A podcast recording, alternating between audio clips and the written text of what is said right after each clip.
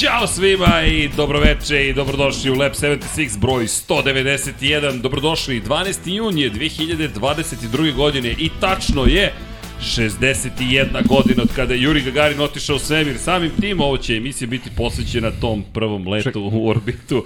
Šalim se, naravno, bit će posvećena prvom Grand Slamu Ferrarija posle 12 godina, ali mislim da je u redu da spomenem gospodina Gagarina s obzirom na činjenicu da otišao u svemir te daleke 1961. godine. A da je moj tata pozvao 1963. mamu da proslave jubilej letenja Jurija Gagarina u svemir, Mama, dobro si izabrala, šta drugo da ti kažem. Tata, dobra ti je ta fora, morat ćemo da iskoristimo. Dakle, momci, ukoliko ne znate kada da pozovete devojku 12. aprila negde, kažete idemo da proslavimo prvi let u svemir jednog čoveka. Tako da. I još im kaže da je 12. juna to. Da, da. I onda je sve u redu. I onda je sve u redu. Dakle, dobrodošli, gospodin Pavle Živković, naravno tradicionalno tu, kao i gospodin Dejan Potkonjak.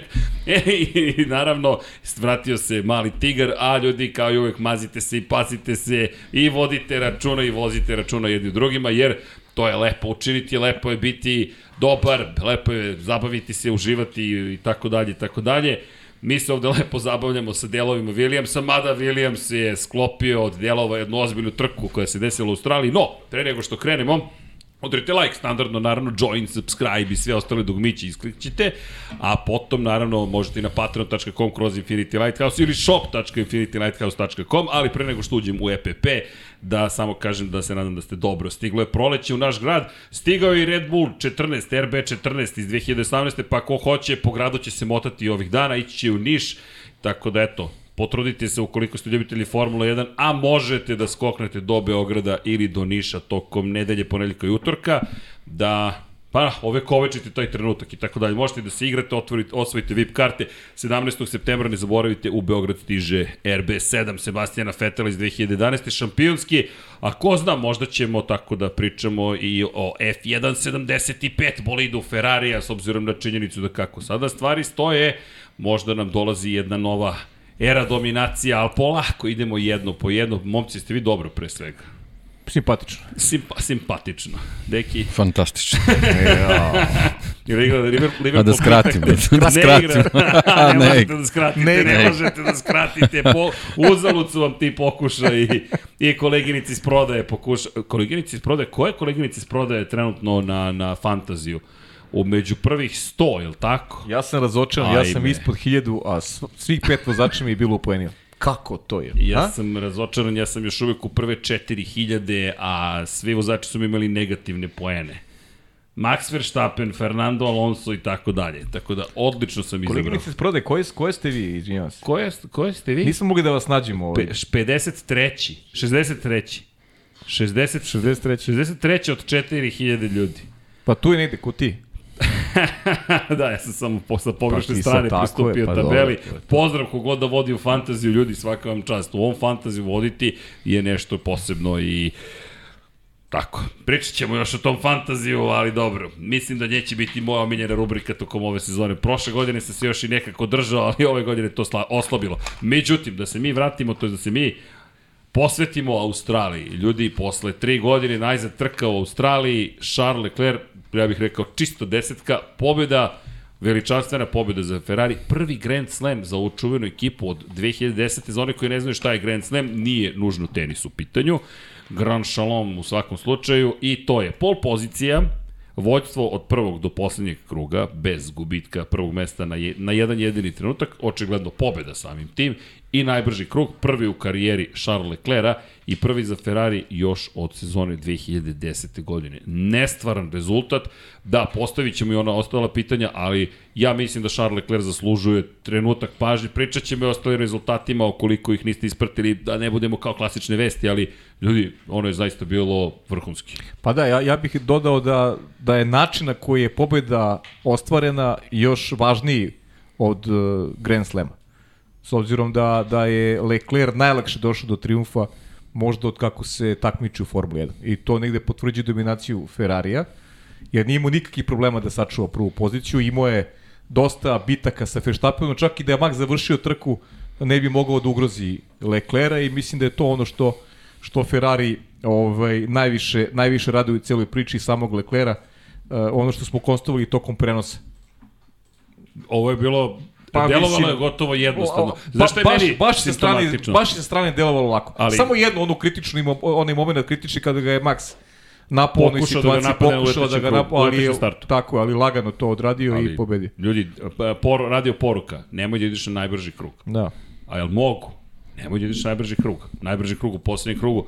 Morao sam da idem najbrži krug. Ok, ok, shvatili smo, vidjeli smo. Pa dobro, I da- to uz preticanje vozača za ostalih za ceo Pazi, krug. da nije išao po najbrži krug, pitanje je da li imate dodatni poen, s obzirom da je Alonso Ma mislim da bi mu Alonso krug. oduzeo poen Pa, i imao najbrži Ne mogu setim sada, ali 1,20,8 je vozio Alonso, 1,20,3 je vozio Leclerc. da, pola sekunde. Ne mogu Pomerio. kako je, kakav je bio taj prethodni najbrži krug Leclerca, ali svakako je trebao da pokuša zbog Fernanda.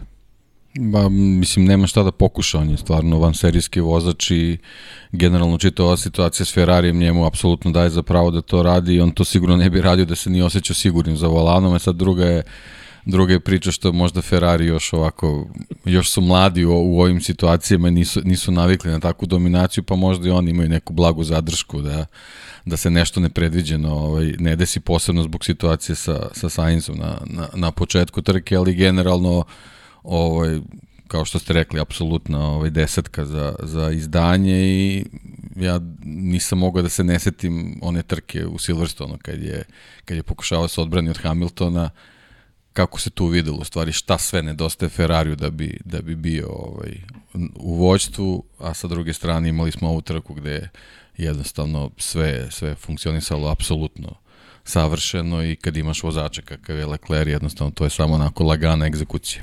Da, i od, od početka, dakle, na tvrdim, na, to jest na srednje tvrdim najpre, pa na tvrdim gumama, ono što je fascinantno, Red Bull koji u prve tri trke ove sezone je uvek izgledao bolje u pripremama za trku. Da, i U- tempo je bolje, uvijek ima Ima bolji, bolji tempo, tempo, da. Ferrari je bez problema povećao prednost, to je Leclerc konkretno, ne Ferrari, samo da digresiram da ka Carlosu Saincu, najgora trka u bojama Ferrarija, ubedljivo za Carlosa Sainca, pehovi problemi sa bolidom sitniji, ali i velike greške u ključnim momentima Carlosa Sainca, situacija koja je dovela do toga... Pa sve je krenulo s pehom u stvari. Tako je, da, da. Sa kvalifikacijama crvene zastave istaknuta u momentu kada on završava krug i ima šansu da uđe u prvi startni red svakako, ako ne na pol poziciju.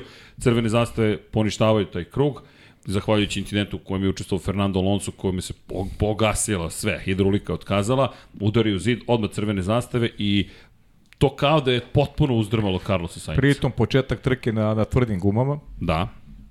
Što se ispostavilo krajnje problematično za većinu je, vozača. Tako je, s obzirom da je trebalo malo vremena i da se onako se kaže i zagreju i to je gubio je pozicije na početku i onda naravno i želje da što pre nadoknadi neke pozicije, pojavile su se greške, ali to je pritisak o kome smo pričali, tako, e, tako tipičan za, za mlade vozače bez obzira što imaju za sebe neku, neku, neku vrstu iskustva, ali nemaju, nemaju tu priliku, nismo i tu priliku da se bore za ove najveće uloge i to mora da, Da, se... pa dobro, generalno ja mislim možda više nego te gume, taj očajan start je bio bio ovaj inicijalan za, za sve što mu se kasnije desilo, a desilo se vrlo brzo. Pa, Sve posle se- toga, ali to je ono još, još jedna priča generalno u Formuli 1 kad, kad ti vozači koji pretenduju na, na sam vrh kad se nađu u, u sredini kolone tu gomile nekih situacija nepredviđenih može se desiti koje ozbiljno mogu da ih, da ih uzdrmaju, da poremete koncentraciju, naravno poremeti sve planove za trku i samim tim kad već nisi na planu A ili B, nego već ko zna kom planu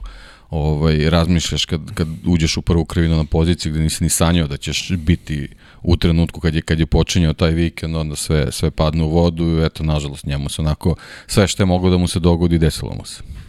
Da, baš je bio loš vikend, a još jedna od stvari koje smo spomenuli jeste taj njegov rezultat 30 uzastopnih trka u kojem je osvajao poene i da. bio pouzdan toliko da ih je završavao, to jest završavao trke i neko je rekao, eto, kletva komentatora, od kad ste počeli to da spominjete, čini vam se, mi samo sada potenciramo to, ali razumem i, i, i taj moment. Pa dobro, da. Međutim, ajmo da budemo i realni iz jedne druge perspektive. Prošle godine ulog je bio mnogo manji, kao što ste rekli, potpuno druge situacije su bile u pitanju. Sada je mnogo lakše napraviti grešku. Sada ti se boriš za potencijalne pobede, A a, ne a samo odjednom si to. van 10 vodećih. Više se primeti ta greška. Pa znaš kako, on je sad već u situaciji u kojoj su bili i Bottas i Perez prošle godine.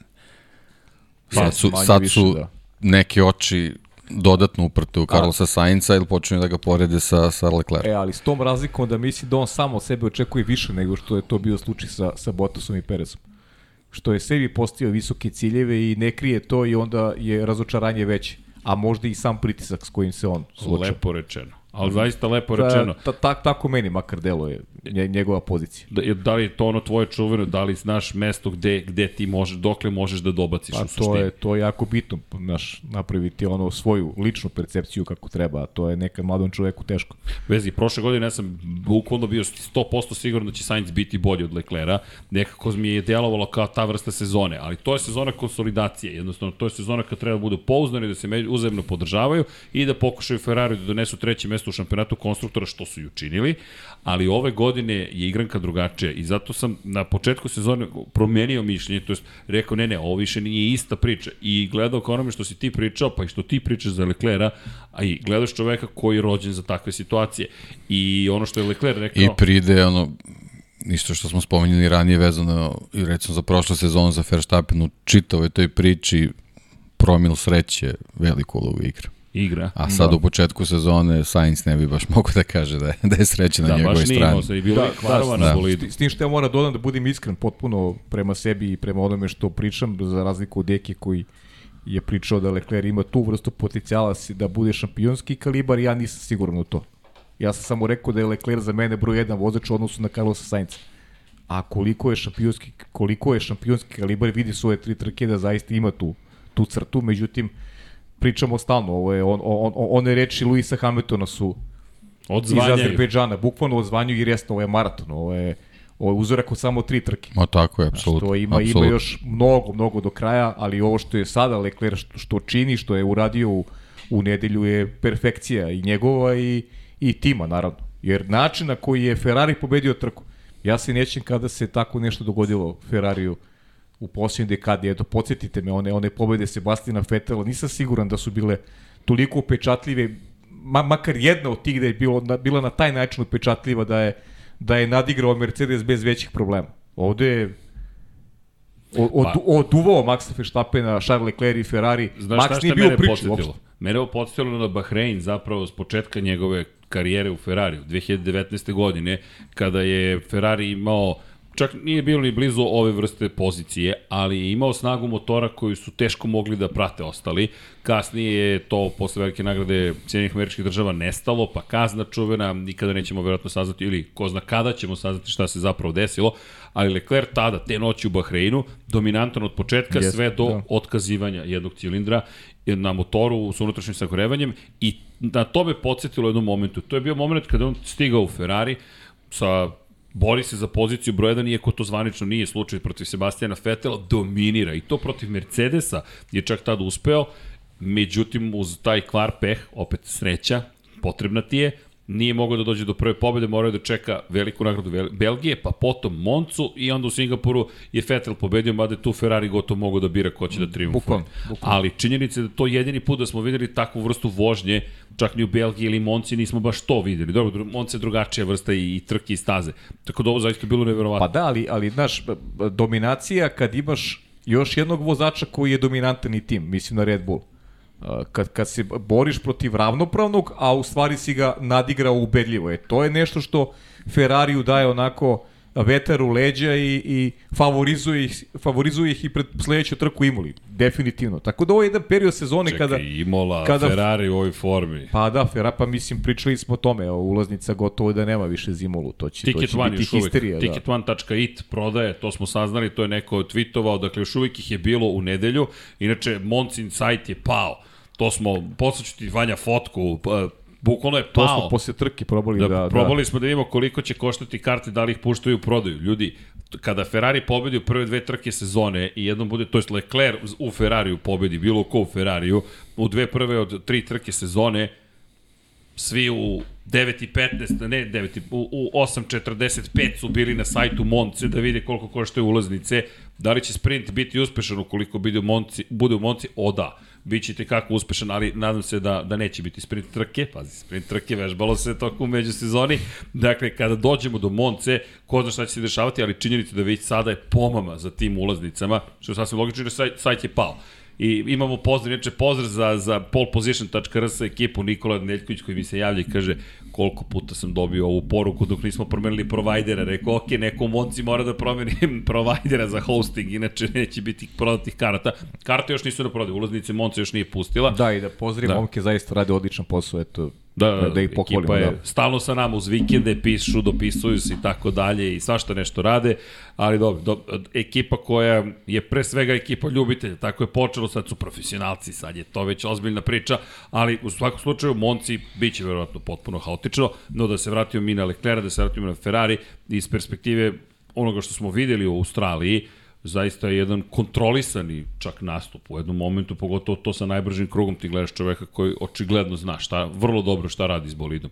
I samo da napomenemo za Sainca, koji su problemi bili. Sainz je morao da menja volan minut pre početka trke, to je pre momenta kada se sklanjaju svi mehaničari i upalio mu se anti-stall sistem na startu, tako da je imao i taj problem i rekao je pogotovo sa tvrdim gumama na početku, to je bila greška, ali novi bolid učimo to se, takve stvari se događaju, 22 trke, verovatno 23, pričat ćemo o tome koja bi mogla da uskoči na mesto Rusije, no činjenica da je Sainz ono što je takođe veliki problem, ono što ste lepo rekli, sada svi vide tvoje greške. A Ferrari bije bitku u šampionatu konstruktora, gde je daleko od toga da je bilo što završeno. Iako ovo, ovo vođstvo Charles Leclerc, o tome isto da moramo da, ne moramo, ali to ne smemo da zaboravimo, ipak to činjenica da ovo je ogromna prednost. Ljudi, ovo je sada već prednost u šampionatu u kojoj možemo da pričamo o nečemu što se lakše brani, ali pošto je dugačka sezona, nije bilo baš mnogo situacija u šampionatu sveta da se ovakva prednost nadoknadi.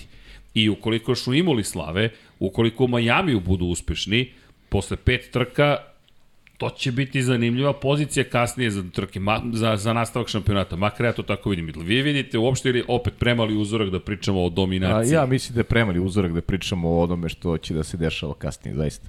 Mislim da je baš premali uzorak. Ne možemo da sezonu sumiramo nakon tri trke. Tako da biće tu još biće, promena, verujem. Misliš bilo bi neozbiljno? Pa pazi, znaš, Red Bull je jako dobar, to je to je očigledno. Kvari se, pričamo kasnije u Red Bullu.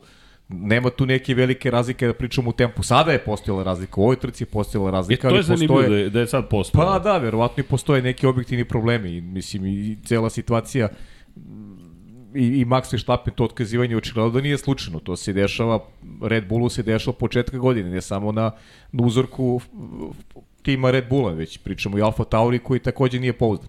Ali misli će stvari menjati. Imamo tu i Mercedes koji uh, skuplja ove mrvice, uzimaju ono što mogu da uzmu. U izuzetkom one trke Luisa Hamiltona, Mercedes je uzao sve što mogu da se uzme. Bukvalno. Znači, jedino je Lewis Hamilton napravio taj kiks na prethodnoj trci. Lewis Hamilton u ovoj fazi sezone ima 3 pojene više od Maxa Verstappen. A Mercedesu bolid izgleda onako Loš. drastično loši u odnosu, u odnosu na Red Bull. Tako da, ima tu mnogo prostora. Vidjet ćemo koliko će Ferrari moći da bude ovakav kakav jeste. Imamo istorijat Ferrarija koji je često u prvoj fazi sezone bio dobar, pa to nije uspevao da isprati do kraja i tako dalje i tako dalje. Mnogo još ovaj stvačica koje koje bi mogle da onako učine učine šampionat drugačiji nego što trenutno izgleda. U svakom slučaju pohvale za čoveka koji je u tri trke, tri najbrža kruga. Dakle, tu je osvojio maksimalni broj poena. Da nije bio drugi u Saudijskoj Arabiji, bukvalno maksimum poena. Ako se vratimo par sezona nazad, čak ni Lewis Hamilton nije ovako počinjao sezone. Čisto zato da, da budemo i svesni okay, to, kakav to je ovo početak. Za sada, ajde, da se zaustavimo na tome, vada se ja mora postaviti pitanje. Doćemo sada da vidimo dominaciju Ferrarija. Imali smo dominaciju Ferrarija, malu pauzu, dominaciju Red Bulla, pa red, dominaciju Mercedesa, pa sada Da li imamo sezonu u kojoj se ne zna šta će se dešavati ili je ovo početak jedne nove ere? Izvolite kolega, šta je mislite? Pa, ono, slažem se da je uzorak je mali, ali ono, činjenica treba gledati sa druge strane gde jednostavno ove tri trke ipak donose neku nervozu i u redove Red Bulla i Mercedesa, jer nisu to neke sitnice koje ne funkcionišu. Vidi se da, da dosta stvari ovaj posebno kod Mercedesa tek treba da se složi, a, a vreme prolazi, dok sa druge strane Red Bull mislim da je zabrinjavajući ipak ova situacija s mhm. pogonskim jedinicama, a, a to se posebno dešava kod Maxa Verstappena za kojeg znamo da je najagresivniji vozač od, od, od četvorke koje koristi uh, ove agregate, pritom uh, otkazivanje se dešavaju u situaciji kad su vozači prinuđeni na forsiranje. I Maxova oba, oba odustajanja su desila u njegovom forsiranju kao i, i Perez koji u situaciji kad je, kad je njemu otkazao ovaj bolid morao da, da brani poziciju, tako da u, u nekim mirnim fazama verovatno bi oni uspeli da, da izguraju ovaj, te trke do kraja, pa se možda ti neki problemi ne bi, ne bi tako ni manifestovali, pa je možda bolje, upravo zbog toga što su samo tri trke i nije neki uzorak, možda je bolje što im se ovo sad izdešavalo, da bukvalno mogu da prođu kroz celu pogonsku jedinicu i da stavku po stavku vide u stvari šta, šta tu može da bude inicijalna kapisla za sve ove probleme da. koji im se dešavaju, a sa druge strane Ferrari, mislim, meni stvarno deluje da je to odličan paket, e sad pitanje samo koliko će dogurati, da li je to ona varijanta kao Bron GP što smo imali koji je, koji je jednostavno iznenadio mm. e, bravo, sve to, ostale sa svojom konstrukcijom, ali pri kraju sezone je bilo čupavo da li će da se, da se izgura je, godina. Je braniš, e, tako je. Ili, ili je to, to neka druga vrsta dominacije, tipa kao što je, što je McLaren se pojavio sa svojim bolidima 98. 99 9. da je jednostavno stvarno bilo teško da, da, da neko tako lako uhvati priključak sa njima. Da, da ako pogledamo... to, je sad, to su sad te neke dve stvari gde na tri trke stvarno ne može da se vidi da li je, da li je tako, da. ali je činjenica da je Ferrari zaista dobar, ono moje, stalno uvek gledam u drugog vozača, ali ovo, ovo u principu nije, nisu bili mehanički problemi da kažeš zbog čega je Ferrari ovo eto osim tog volana mislim to se dešava nije da, da. nije ovaj neka situacija koja koja je retko u Formuli 1 ali generalno vozačka greška, malo, malo eto, nesreće u kvalifikacijama i, i, i naprišavi problem, ali generalno ovo je bila trka iza Sainca za, za veliku količinu bodova. I slika bi tek bila onda drugačije. Mm. I kada pričaš o tome, dakle, ajde, vidjet ćemo, bacit ćemo i pogledi na apropo agresivnosti, na poređenje, možemo odmah, Vanja, ako, ako hoćeš, evo ovo je zanimljivo, na primjer, hvala još jednom Aleksi Vučaju na, na dostojnim podacima. Ovo su najbrži krugovi pojedinačni. Leclerc, Verstappen. Dakle, Leclerc je crvena boja, Verstappen je plava boja. Ono što je zanimljivo, dakle, na različitim mestima kako koriste zapravo gas i ako obratite pažnju, na primjer, Leclerc je negde na polovini staze mnogo veći broj obrtaja koristi kod Ferrarija, međutim, isto tako na drugim delovima staze mnogo veći broj obrtaja kod Red Bulla. I ono što je zanimljivo sad u toj priči, mnogo veći broj obrtaja, dakle tamo gde je max negde jedva prelazi 11.000, tu mnogo više prelazi 11.000 obrtaja, ovo je motor sa unutrašnjim sagorevanjem, očigledno Ferrari. Međutim, kada pogledamo vrhove, kada imamo pikove, i dalje Honda ide do 12.000 i dalje mnogo više opterećuju motor na nekim pozicijama i ovo je pa verovatno izvlače neke dodatne konjske mm, snage mm, to je sad tako je. verovatno ta ta prednost Ferrari koja jednostavno ne mora svoj motor da da, da, tera, da. da tera na, na maksimum. Ovo e sad, zašto je to tako, Et, mm. vidjet ćemo to ko pa se da, zna. Pa da, I, I stepeni prenosa. I još jedna stvar, ono što se u velikoj meri priča jeste da je Ferrari uradio, ako se sećate e, šta smo pričali prošle godine, kraj sezone, bitka između Red Bulla i Mercedesa, koštaće ih, koštaće ih u budućnosti, Fo, to je to, Fo, ti se fokusiraš na 2021. šta će biti sa 2022. Ko ti je tu najspremniji? Ferrari. Šta je uradio još? Izvinjam se, Ferrari. E10 gorivo sa 10% etanola je nešto oko čega su oni navodno optimizovali svoj motor sa unutrašnjim sagorevanjem. To je velika promena za pogonske jedinice korišćenja E10 goriva. Zvuče kao samo jedna oznaka E10. Nije. 10% tog goriva, 10% tog goriva je potpuno drugačije. I naravno, hemijska smeša i način na koji mešate kada dolazite do tih jedinjenja je drugačiji od kompanije do kompanije. Međutim, Ovo će, ja mislim, biti velika promocija za Shell. Shell inače koji je zauzeo vrlo veliku poziciju na leđima, ako obratite pažnju ekipe. Shellov logotip, ja mislim da nikad nije bio izraženiji. Nema drugih malih logotipa. Shell baš to gura i mislim na, na vokovima kada pogledate koliki je Shell ponovo, da će ovo biti priča upravo o tehnološkom razvoju goriva i motora. I to nije mala stvar, inače moram da, da, da se i javno izvinim, kada se već javno i napadao čoveka, Mati Binotu, I danas sam to pravio poređenje kada smo baš pričali o Ferrariju, nešto na ulici, priča, ko šta, gde, kako. A ne znam ko igra, igra inače imamo ovde dosta gostiju, pozdrav za ekipu u, u, u, u studiju, udrite like na telefonima, ko je kod kuć, mama udri like, evo na mamu da se radimo, ali ko igra StarCraft ovde ili igrao StarCraft? Ja, samo ja igram StarCraft, kako sad onda da dam ovo poređenje? Dobro, nadam se da je neko igrao StarCraft i ne idete na Rush, nego idete na građanje baze. E, to vam je Matija Binotto. Dakle, nije onaj što rašuje, dakle, nema blitzkriga, uzmeš zergove, napraviš ih milijardu i napadneš. Ne, nego uzmeš protose ili uzmeš ljude i onda gradiš bazu koja je super moćna, ojačaš se i onda ideš u bitku. Šta hoću da kažem? Binotto mi djeluje kao ovaj drugi tip. On je dizao svoju bazu, e sad pobedite ga ako možete. Tako da izvinjenje i ako je ovo dovoljan uzorak što kaže Pa i što kaže Deki, da nešto zaključujemo, mislim da je Binoto rekao idemo na duge staze, jer neko mi je od navijača Ferrarija pisao, a je se sećaš prošle godine kada mu je Binoto rekao, ne znam na kojoj trci, polako, sledeće godine ćemo uživati. Ili je Binoto apsolutni genije, ili je ovo mnogo sreće, ja bih pre gledao da smo za sada više na strani ovoga da je uradio fantastičan posao, a da je manje pitanje sreće, samo eto da konstatujemo kroz ovaj kadar, zaista zaslužuju pohvale. Cijel Ferrari tim zaslužuje pohvale. Nije sporno, samo što bi ja bio malo umereniji. Dobro. Ja sam onaj što okay. gori. Vi ste Kimi. Kritikovali smo ga zajedno, Čekaj. dakle ne moraš samo ti da se izvinjavaš, ali ja ću da sačekam sa izvinjenjima još, još malo. Za ali... sada sve deluje perfektno u Ferrariju, nisu dominantni u odnosu na, na Red Bull, sada je Leclerc bio dominantan, da, kvari se Red Bull, ali s druge strane, faktor Mercedes što kaže Deki, ne smemo da zaboravimo, mislim da će se tu stvari e, to je zanimljivo. biti, biti mnogo, Imam mnogo bolje. Još jedno pitanje za vas dvojicu. Ajmo ovako. Samo da konstatujemo gde smo sada kada je reč o šampionatu sveta. Dakle, Charles Leclerc 71 poen. 37 bodova ima George Russell, vozač Mercedesa na poziciji broj 2.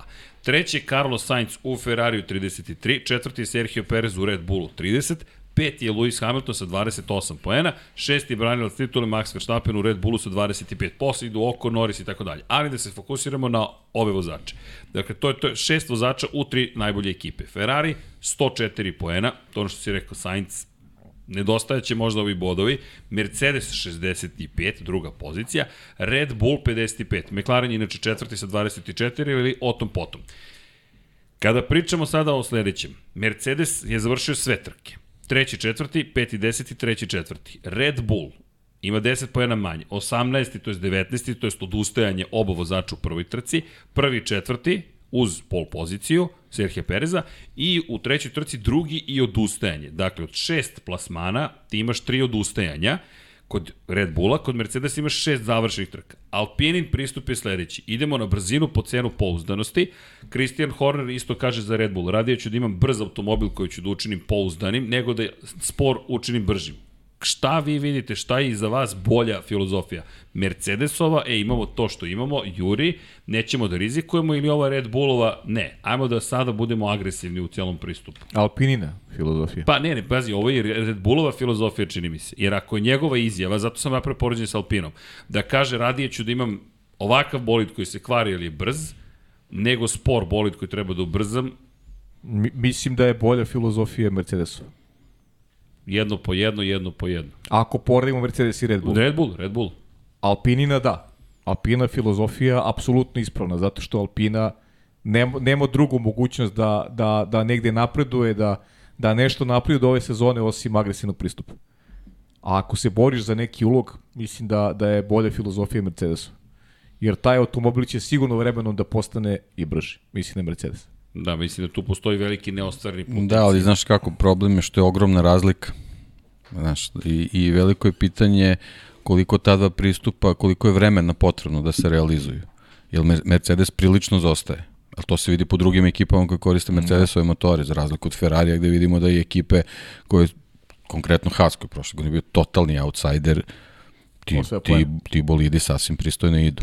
Znači, velik, veliki udeo u agregatima, a Mercedesu agregati ne ulivaju neko pretarano poverenje. Mislim, realno ovaj rezultat u Australiji je sasvim ok, ali se desio zbog Verstappena, zbog Sainca i zbog Alonsa, koji takođe Jest. u kvalifikacijama Jest. ko zna kakav bi krug imao da se nije desilo to gašenje.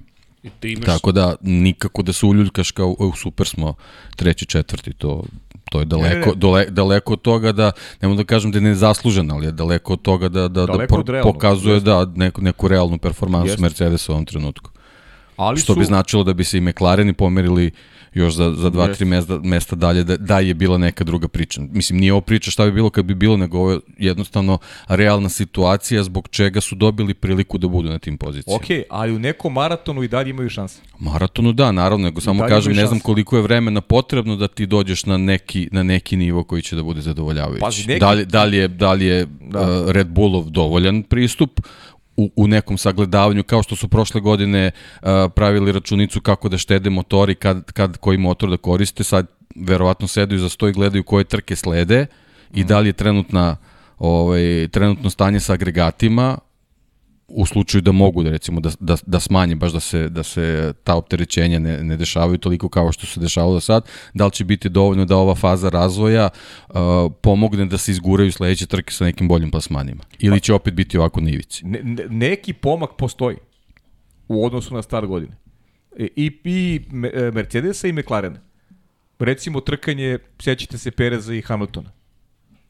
To je nešto što ja priznajem, ja nisam očekivao da u ovoj trci u bilo kojoj fazi može Mercedes da se trka sa Red Bullom ili Ferrari. Znači imali smo onaj deo kada Lewis Hamilton se ozbiljno trka sa Sergio Perezom. To je već neki pomak. Da ne pričamo o, o McLarenu koji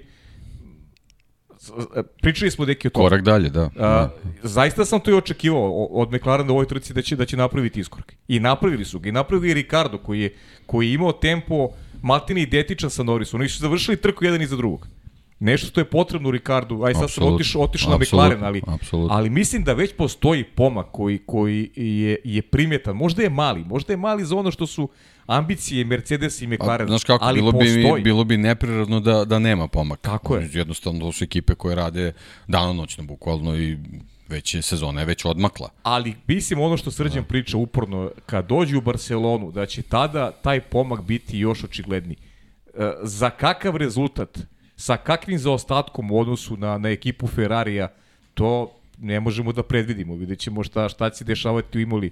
U ostalom, Ferrari je e, stalno pričamo, to- pričamo o tom pritisku s kojim su oni sučali. kako- Oni imaju jednu lagodnu situaciju. Jeste, ali veliko je pitanje da li je ovo maksimum Ferrarija ili E, oni imaju još nešto u tako rukavu. je, i to je tačno, i to je tačno. je ovaj, da li je, da li je ta aerodinamička konstrukcija bila pun pogodak, istina, da li je, da li je taj agregat to što je, pa još ima ne, neku, neku mogućnost za nadogradnju, to nam sigurno neće niko otkriti u ovom Ma trenutku. da. Pa vidi, a pritom, vozili smo na stazi na kojoj nismo nikada vozili. Zašto? Ovo je ipak izmenjena konfiguracija staze u Albert Parku i na asfaltu koji je prvi put sveže postavljen u 25 godina korišćenja ove staze u istoriji Formule 1. Tako da, trka koja je inače bila anomalija je postala još veća anomalija. Mi sad Da. da. tek ne znamo da li je ovo stvarni napredak, nije napredak, jeste napredak. Vraćamo se na Ringišpil od početka godine, kad najava da. sezone, ne znamo. To će sledeće Ali godine. dobro, da generalno, stara dobra vremena kad dođeš na Imolu, to u stvari počinješ da vidiš E, Jeste, e, Šta se dešava, E, čekamo, da. i, e, znaš će se nekada, nekada su imali predstavljani praktično novi bolidi za novu sezonu, a, a verzije iz prethodne godine su bile na prvim trkama. Tako Da, da, da, da, neko drugo vreme. da kažemo da sezona kreće od Imola. Da, da, ali, Da. a, ali da li, Ajde. ajde, Ajde, ajde, neka ajde, krene. ali da li će krenuti, pazi, za ograničenje Da. budžeta, mada e, Lewis Hamilton se nada, sedmostruki svetski šampion rekao da se rada da Mercedes nešto sprema, kaže ne znam šta, ali nešto moramo da uradimo, jer napretka ne. Gde sad, gde postoji sve, mo, da može da se desi napredak? Kada govorimo o, fe- zanimljivo, e, samo jedna stvar, koliko je poskakivanja imao bolid Charlesa Leclerca, jer se mnogo pričalo o tome da su Ferrari i Red Bull zapravo iskorak napravili zahvaljujući tome što su u velikoj meri poništili efekat poskakivanja.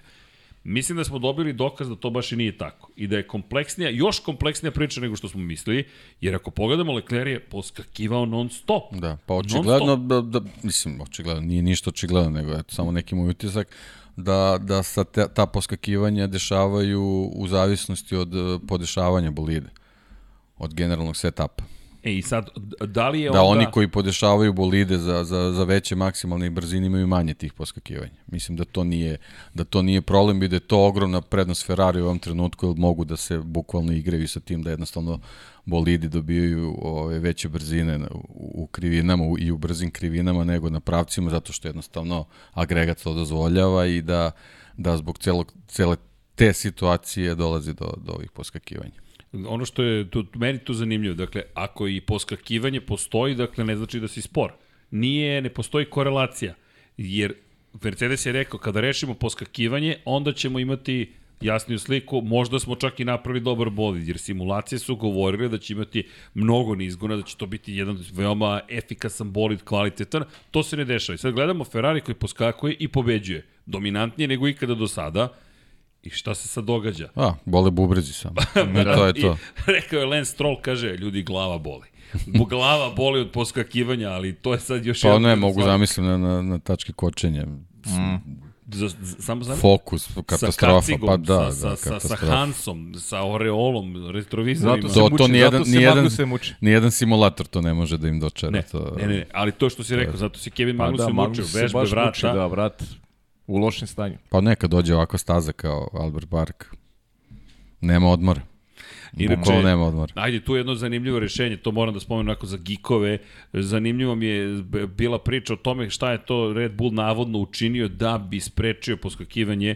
Pa sad ne znam koliko, ali ne, ne newtonovski fluidi takozvani. Ne znam da li ste ne znam tačno koje smeša se koristi kod nas, ali na primjer to je fluid kada ga gurnete lagano, proći će kao klasičan fluid prst kroz to, ali ako ga udarite, postaje čvrst. Dakle, nije isti viskozitet u zavisnosti od primenjene sile i navodno je zadnje oslanjanje kod Red Bulla napravljeno tako da zapravo koristi ove fluide, što, što bi govorilo šta, zapravo imaju neku vrstu dinamičkog oslanjanja, kada su sile niže, drugačije se ponaša, to je manje brzine, kada porastu brzine i kada počne da poskakuje, oslanjanje se učvrste. Dakle, ne znam da li je to tačno ili nije, ali samo još jedna od stvari koja je to za one koji vole. Pa malo, ne malo. znam, ali u toj celoj računici trebaš da, da, da uzmeš i konfiguraciju staze, svaku neravninu, Mislim, to je onako je, da. nemoguća misija. Ne, ne, ali, da. ali samo Baš kažem, je kompleksno, ali dobro, eto, Dimitris... možda će za 20 godina da se koristi u automobilima, pa, pa kažemo, eto, Formula 1 konačno doprinosi ponovo nekom Tako je, da. razvoju da. i napretku. Da, to bi, a da ne, bi da, da preuzima samo iz tehnologije iz drugih ovaj, takmičenja. Da, tako ili da. iz kamiona. Inače, tako, pozdrav da. još jednom za kamion G. Na, inače, gospodo, zvanični predstavnik Infinity Lighthouse i Lab 76 za sve ljude koji imaju CD i E dozvole je postao gospodin Pavle Živković. Tako je. tako da znate, to je naš radio DJ za sve sve drumske... Sve kamionđi ujedinite se. Pozdrav svima gde god da ste, ljudi, mi vam želimo bezbednu vožnju, mirnu noć i naravno da stignete gde ste naumili ali zaista veliki pozdrav za sve, gde god da ste inače, ali eto, prosto nekako kada je reč o onima koji su sada za volanom negde, pa tu smo sa vama, smo, imate tri kopilota. Inače, pozdrav imamo da, sa, sa početka emisije, Nemanja Miloradović, hvala, donirao čovjek pet švajcarskih franaka, kaže pozdrav najboljim triju, pozdrav za najboljeg pozdrav, Nemanju. Pozdrav, pozdrav. Pitanje je šta ste, pitanje je da li ste probali kuvan Red Bull, pošto ako sam ja tako čuo, Max ne voli taj ukus, kaže evo i mi Ferrari Marijevci malo da se šalimo. A, pa dobro.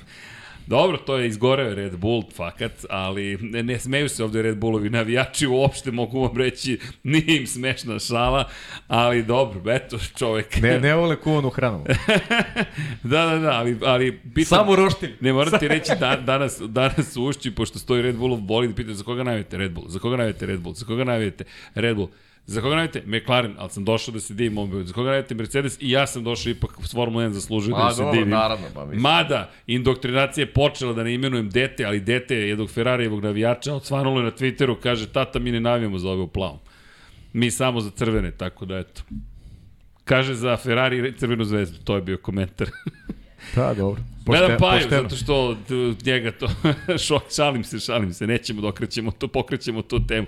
Ali simpatično je, dovedite decu, pidite bolid. Inače, deki, a tebe se setim svaki put. Svako koji je pratio malo duže ili je pravio poređenje bolida Formula 1 sa automobilima, je došao i rekao koliki su ovi bolidi, da li je moguće da su ovoliko veliki.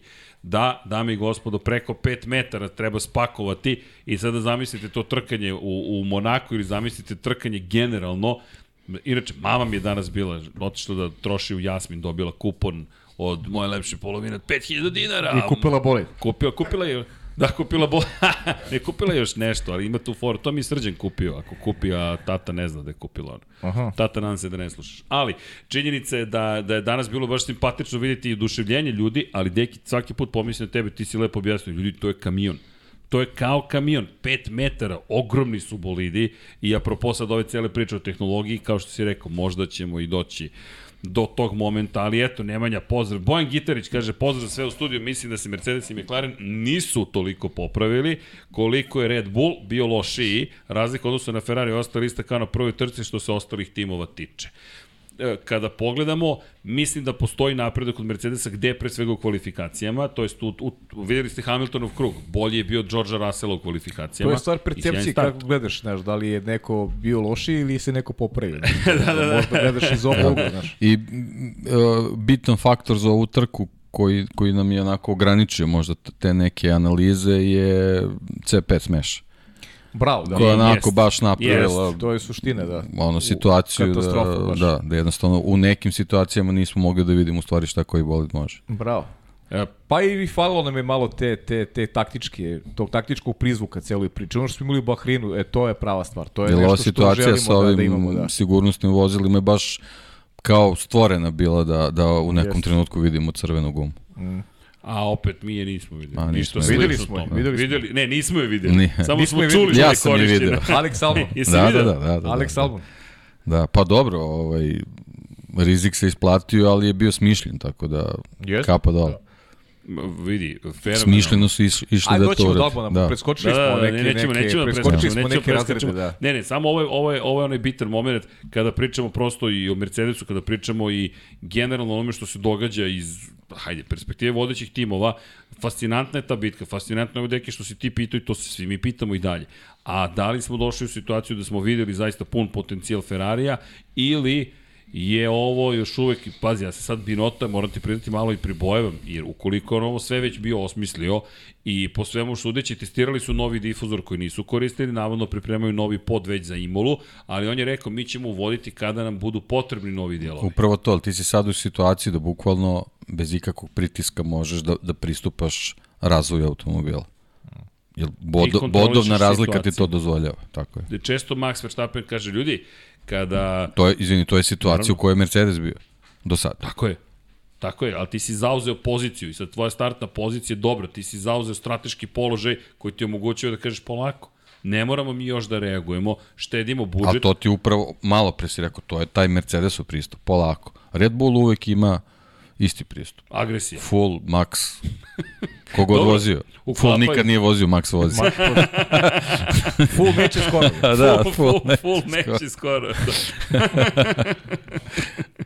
ali da, dobro. dobro. Ma dobro, mislim, ali možemo da nagađamo ljudi samo.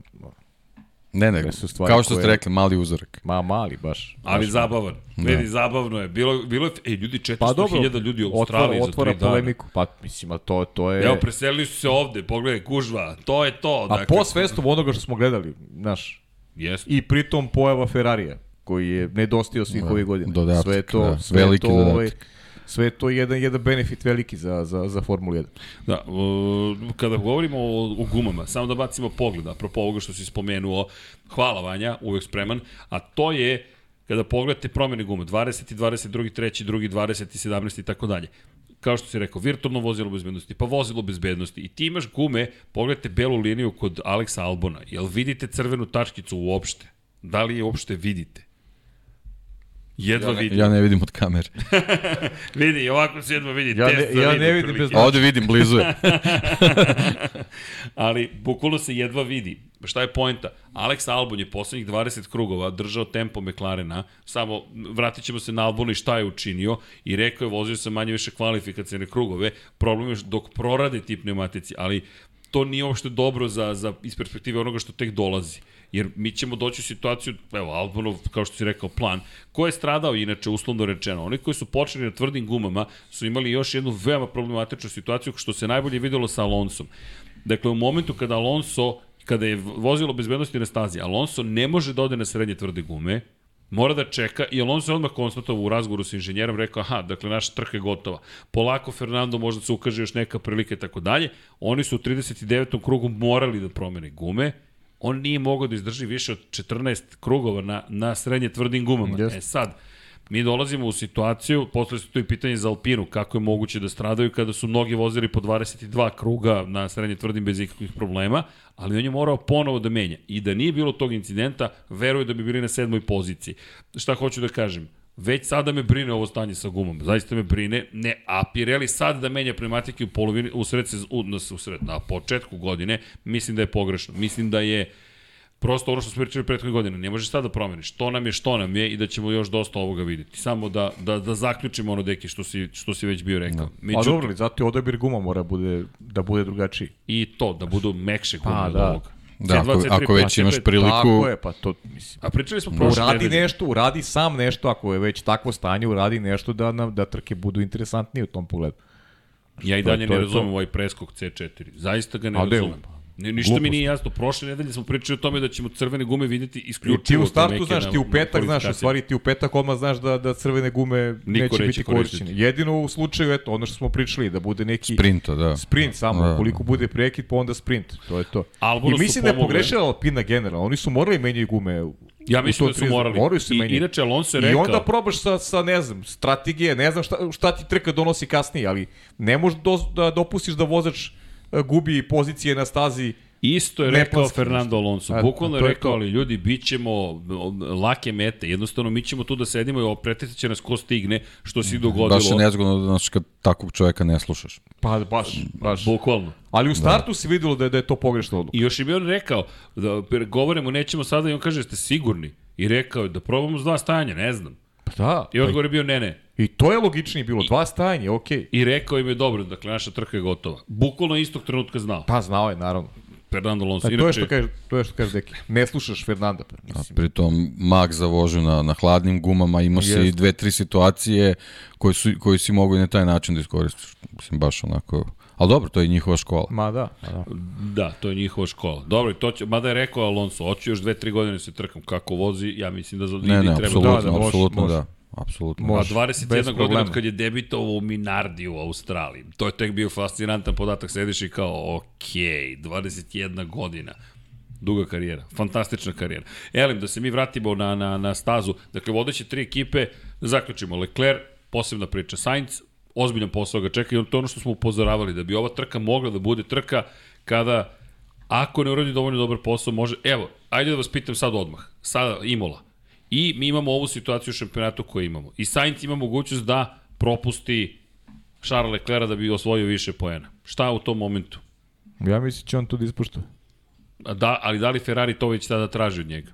71 poen za To, to, Leclerca, to ne znam, da li će Ferrari da 33 traži, za Sainca. s obzirom da ova ekipa ovaj, je bila negde prisutna i onom, i onom periodu prilično su onako, da kažem, fleksibilni kada su u pitanju Kimi te relacije. Raikkonen i Tako je, i Kimi Rekonin i Sebastian Vettel. Mislim da je to istorijska greška bila Ferrarija, ta trka u Monci. Ne kaže da bi se nešto nužno promenilo, ali greška je velika svakako. greška svakako. I mislim da Ferrari treba da zauzme taj kurs. Iz mog ugla. Jasno. Charles Leclerc je definitivno brži vozač od Carlosa Sainca i mislim da treba zauzmu taj kurs jer, jer oni žele konačno šampionsku titulu i mora da se podrede vozaču koji je nesporno kvalitetniji i brži. Pa, od- brži je i, i bodovna razlika, opet se vraća na Ogromna, nju, tako je. jednostavno. A Svaka, svaka prilika u- kojoj može da poveća prednost treba da se iskorista, a inače ovaj, nije za poređene, ali bit će zanimljivo. U Imali će biti tačno 40 godina od čuvenog duela Pironija i, i Vilneva, koji je kasnije doveo do, do razno raznih problema, da ne kažem i tragedije. Jeste. Upravo, upravo zbog, zbog loše ovaj, komunikacije i, i, i, Da. i loše interpretacije poruka iz boksa. Da. Tako da Ferrari se mnogo, mnogo opekao u celoj toj priči, tako da i to će ih onako možda malo podsjetiti kako trebaju da reaguju u situaciji ako dođe do nje. Da, pa mislim da, da je u dobroj meri i, i ta neka, ajde da kažemo, nervoza kod Carlosa Sainca uslovljen time da je svestan da, da, da je posle tri trke jasno definisana i njegova pozicija. Mislim da on Da. ambiciozan momak što je potpuno Ali okej, ali mislim da njemu u ovom trenutku za, za, za, za povratak na, na, onako, na, na, na, na stabilan put je pobeda. To, to u stvari treba da bude njegova ambicija u ovom trenutku. Ne, ne da puca na više, nego jednostavno Pa iskreno, imaš, imaš, mislim da će se to nužno dogoditi. imaš automobil da pobediš, ajde nek to bude prvi sledeći korak, da se ne opterećuje sa nečim višim i onda, i onda jednostavno on može da se vrati u, u, u okvire svog kvaliteta koji, koji nesporno ima. A između osnovnog jedan od kvaliteta je timski igrač. On je zato i doveden u Ferrari. Jeste, pa on je Jer u McLarenu je da. pokazao da stvarno tako funkcioniše. Da, danas je inače bila jedna devojčica koja navija za Carlosa Sainca i rekao sam mi, stiže pobjede. I 100% isto svi, Da, da. svi to Nema. verujemo. Ma, Stiže jest. pobjede. Sad gde? Moje ubeđenje je da će u Barceloni zapravo biti njegov dan, da će to njega da inspiriše. Dakle, njegova kuća, ako Ferrari još uvijek bude, mogu da mu pruži tu vrstu trke. Znaš, Staza koju tata pravio za njega. tata bukvalno pravio. Tako da vidi, tamo mora i mislim da će tamo onda bude baš ponosan i mislim da će privući veliku pažnju publike, jer publika u Španiji uglavnom dolazi u velikom broju na Formulu 1, za razliku od Moto Grand Prix koji dolazi pa na koji dolazi pa dolazi, kada je neko u Formuli 1 od španskih vozača brz, a to je bilo samo Pa da, Moto Grand Prix nekako Alonsom. internacionalna je publika. A Formula 1 u Barceloni je španska. Baš je nacionalni Da, da, da, da, da. Bik iz Ovijeda. I vrlo je strastvena publika kada dolazi. Tako da mislim da će to biti Sainzova trka. Ali, znate koju temu mi to otvari? To je ono što, pa ti ja smo već negde to načeli i, i, i na thumbnailu stoji. George Russell, treće mesto. Lewis Hamilton je iza njega. Ne dolazi instrukcija propusti Luisa. Da, Da li se ikada do sada desilo, od kada je Lewis Hamilton stigao u Mercedes, to ono što si ti rekao tokom prenosa, da Nico Rosberg. drugi vozač, da onaj, onaj sa suprotne strane garaže, da ne kažem prvi ili drugi, ne dobije poruku propusti Luisa Hamiltona. Jer ti si lepo rekao, fenomenalna misao, hvala ti na tome, u Maleziji 2012. godine, ne 2013. kada je stigao Lewis Hamilton u Mercedes, Iako je Nico Rosberg doneo prvu pobedu u istoriji ekipi, iako je Nico Rosberg pobedio velikog Mihaela Schumachera, pol poziciju je doneo ekipi. Sve je uradio što treba, Hamilton je tek stigao, ima jednu titulu u tom momentu i ekipa poručuje Niku da se skloni da propusti Luisa Hamiltona. I Pa- sada nemamo tu situaciju. Valtteri Bottas je vozio za Luisa Hamiltona posle toga. Nico Rosberg je uzeo svoju titulu 2016. Nije hteo da vozi za Hamiltona, ali ga je i tada u Monaku 2016. propustio da može da ide ka pobedi. ne znam da li ste ispratili negde, da li uopšte ima negde informacija šta je Lewis Hamilton želeo da kaže sa, šta je poručio ekipi. Meni je to izgledalo kao da vrši jedan određeni pritisak da, da, ovaj, da ekipa kaže George Russellu da ga pusti na stazi. Meni je tako zvučalo. Sad ne znam da li postoji neka neka priča onako jasnije sadržene vezano za vezano za, za taj moment, ali mislim da da je da je ovaj stvarno jedno novo poglavlje bi moglo da bude ovaj otvoreno sa sa sa ovim momentom jer smo svi negde očekivali da će se to možda nužno i dogoditi. Međutim ekipa je pustila da George Russell završi kao treći. George Russell u krajnjem slučaju i više poena od Luisa Hamiltona i pre ove trke. Momak je jednostavno imao sreće. Prosto mu su mu se otvorile kocke ovaj, e, tokom trke i e, vidjet ćemo kako će izgledati bliže budućnost, čitaj Imolu već za manje od dve nedelje. Pazi, ono što je do, rekao Lewis Hamilton objasnio je, inače moram da kažem da je režija tu opet upravo postigla efekat, napravila dramu, gde Da. da. je pitanje da li ima. Šta je Hamilton rekao? Rekao, ne, nije mi to, to bio problem pozicija, već je činjenica da sam morao da pustim gas jer se pregrevao ceo bolid. Čito bolice pregreva. Čita bolic je pregrevao i morao je da izađe zapravo iz zavetrine Georgea Russella i da vozi u čistom vazduhu. Lift and coast su mu tražili, dakle da pusti papučicu gasa i da bez gasa prolazi kroz krivine. Okay. Ali, i on je rekao, ja sam prezadovoljan, mislim da ovo je neverovatan rezultat za ekipu, to je pozitivan rezultat. Da, bili smo negde oko 1,2 sekunde za ostatku po krugu u petak, ljudi, to je... To je, to je večnost, ne, to je beskonačno nešto za Mercedes. Za svaku ekipu večnost, za njih je to nešto posebno. I rekao je, preko noći smo uspeli da preokrenemo performanse bolida. I iz te perspektive nije tražio navodno da se, da se Russell skloni. Ali, i dalje mislim da je to zanimljiva priča, s obzirom na činjenicu da prvi put vidimo da nije rečeno skloni se Lewisu Hamiltonu i Georgeu Russellu je dozvoljeno da se trka što se nije do sada dešavalo. Samo mi je zanimljivo, vidjet ćemo što ti kažeš stiže Imola, kako će se dalje razvijati priča.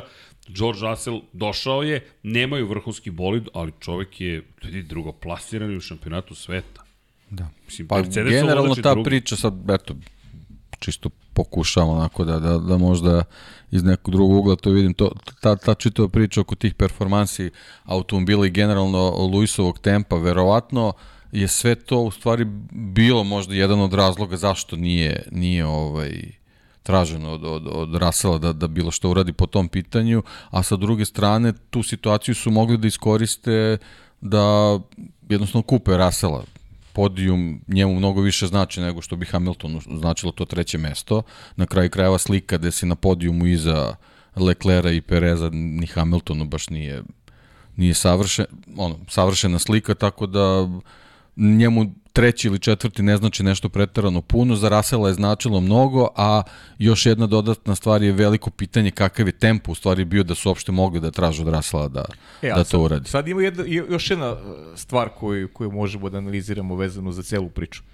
Uh, time što nisu tražili, mogli, su u posljednjem krugu da puste Hamilton da bude treći.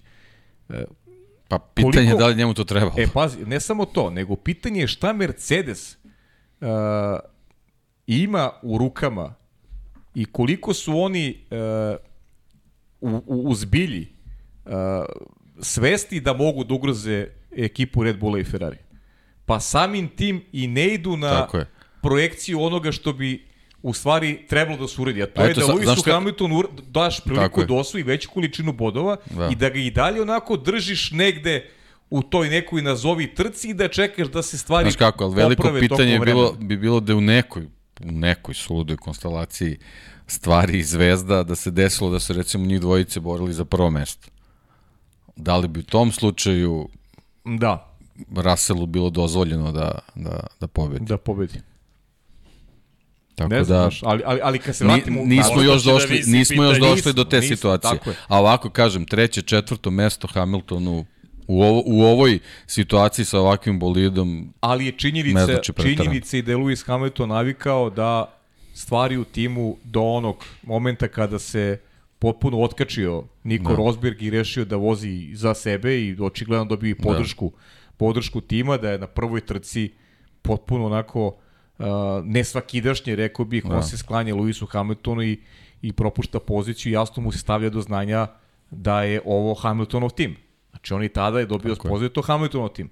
E, George Russell, činjenica, šta god da. je u pozdini, nije imao tu da. situaciju koju je Niko Rosberg. Da. Naprotiv, da. dopušteno mu je da bude šta god sad to značilo, da li e, Hamilton ne treba mu, ne znam, podijum, ajmo da nagradimo Rasela, ili zaista pod ovom pretposkom da Mercedes smatra, kao što Toto Wolf govorim, ali koliko je to iskreno Toto Wolfa, nemamo šampionski bolid, gledamo da, da se Meni generalno nekako, moj utisak je generalno da su na ovoj trci bili fokusirani samo da obojice završe, da završe trku. To su bile i one poruke gde su praktično Rasela kroz trku učili Da čuva gume. Da čuva gume i da ne, ne ulazi bespotrebno, bespotrebno svaki duel. A videli smo recimo, pošto smo spomenuli Imolu, pa možemo da spomenemo šta se dešavalo da. prošle godine i duel sa Bottasom. Incident veliki znači, neke, neke situacije gde možeš malo da, da popustiš gas i da ne radiš baš to u tom trenutku, očigledno da on mora ovaj, još da, da, da sedi u školskoj klupi, a ovo je bila prilika za to i mislim da su više bili fokusirani na to nego sad nekom računicom šta bi Hamiltonu značilo treće mesto ili četvrto, ne znam. Mm. Možda grešim, ali mi deluje da, da jednostavno to, to im nije bilo primarno u ovom trenutku. Da, ima tu okay. još jedna stvar. A, a ne verujem ni Hamilton. Znaš, ka, znaš kako meni sad izgleda, slušajući vas dvojicu? Ferrari i Mercedes su zamenili mesta. Ovo je Ferrari od prošle godine u Mercedesu. Sada je timski pa, rad to, mnogo to bitniji. Prvi tri trke jeste. Mnogo je bitniji nego da se sad pitamo ko je vozač broj 1. Ovo što si ti rekao, ovo što si ti pa je rekao, pitanje je koliko oni mogu. Ajmo mi sada zajedno da skupimo da. što više podataka, da završimo što više trka. A sad imamo upravo u Ferrariju, sad upravo imamo tu situaciju koju treba da sledi, to što ste spomenjali Rosberg i Hamilton u jednom trenutku Neko... trebaju da saopšte ko je prvi vozač. Oni, oni to još nisu radili. Nisu, nisu. Dok za razliku od njih u Red Bullu se zna, zna se oko koga se vrti tim i A tu da. se ne postavlja pitanje. Nema šta, ti nema. kad dođeš kao jasno drugi vozač, ti, jasno ti od početka ti si nema potpisao da ti si, si drugi potpisao vozač. da je to to. Pri čemu ti da. si u timu gde zvanični savjetnik govori treba da zadržimo Gasli, a jedini način da ga zadržimo da ga angažujemo umesto Pereza. Ej, čao, čeko, kako si? Beo nije loš. Ali, znaš, možeš ti da zadržiš svoju poziciju. Ali, otprilike budeš dovoljno dobar da, da ne ugroziš Maxa, da, da, da ugroziš sve ostale. Red Bull, ali standardno agresivan. To je pristup, cijel, to, je. To, to je kompanijski pristup, prosto Red Bull Racinga. Agresivno, pa ko tu prođe, prošao je. Nekome odgovara, nekome ne. Vrlo jedno. Pazi, o toj vodećoj grupi, eto, nismo apostrofirali Čeka koji u stvari radi odličan posao početka godine. Da. Ali zar ti to nije definicija po, vozača broj 2? Pol pozicija koju imao, koja je to ono trka koja mu je poništena eto, zbog svih onih dešavanja, pričali smo o tome, sada drugi. Pričali smo o sreći. Jeste. I Pogrešnom odsustvo mestu. iste. Da, ali... Pogrešno Odličan vreme. početak sezone, da, A za, pazi, za ček. 30 poena i spomenuli smo Hamiltona, spomenuli smo Verstappena, spomenuli smo Sainca, spomenuli smo Russella, spomenuli smo Leclerca, preskočili smo Pereza. A jedini koji je osvojio ove godine u ne Ferrariju pol poziciju, jedini očigledno za Red Bull. Ali Sergio, pa kako je Christian Horner Pa reagovao? generalno i ta njegova pol pozicija je donela Maxu pobedu. Tako je. Kad tako nekako je. složimo čitavu Jeste. priču. Pa Taj, ne, taj nestvaran krug. Pa i činjenica Jeste. da nije Zaista. pustio Sainca. Ko zna šta bi Da. Sainz uradio da je uhvatio DRS protiv, I to, u, u Saudijskoj. Arabiji protiv Verstappena. Tako da je Pričali Sergio već tome, da. bio i ministar odbrane i najbrži i svašta nešto je uradio, ali ono što je zanimljivo, Hornerova poruka. Dobar vikend, Čeko, dobar Da, vikend, da, Čeko. baš, baš brutalno. Brutalno, kad prilike nema, bravo, Čeko, na pobjedničku, ništa. Jeste, da li ste budni? Da li ste, to.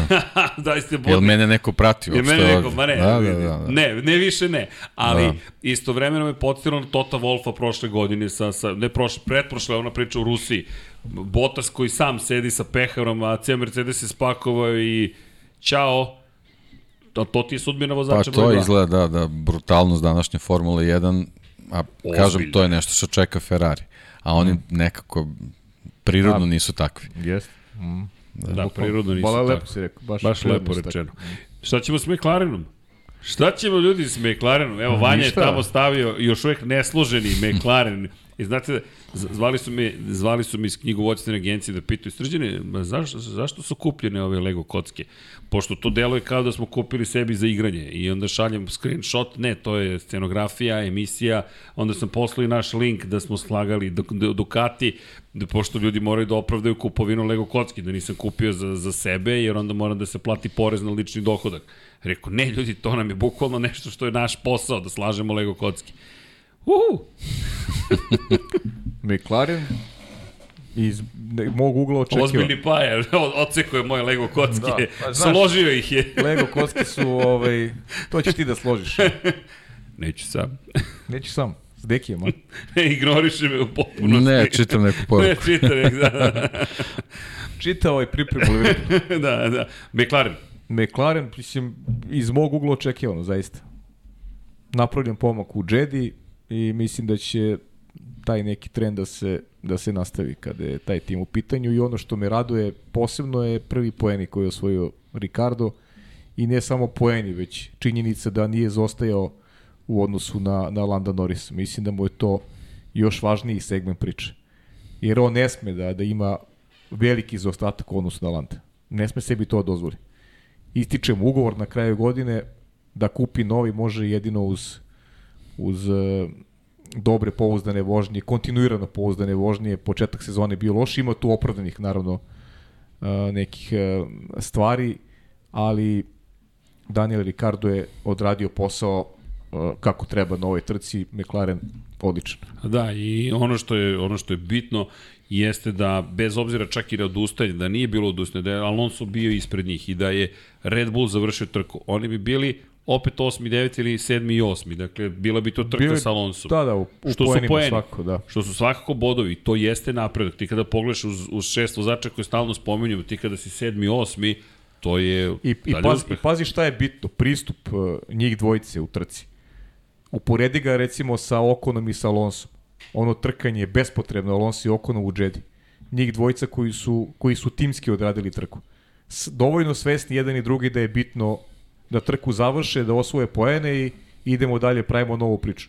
U suštini, Ricardo je pred svojom publikom možda mogao da da uredi nešto što bi se onako obilo u glavu celoj ekipi, ne, odvezao je mirno završnicu trku, skupili su poene i, i to je to. I to je ono što je recimo nedostajalo Alpini, što oko nije smeo da uradi u Jedi nikako. Pa, ko je sada četvrti u šampionatu konstruktora? McLaren.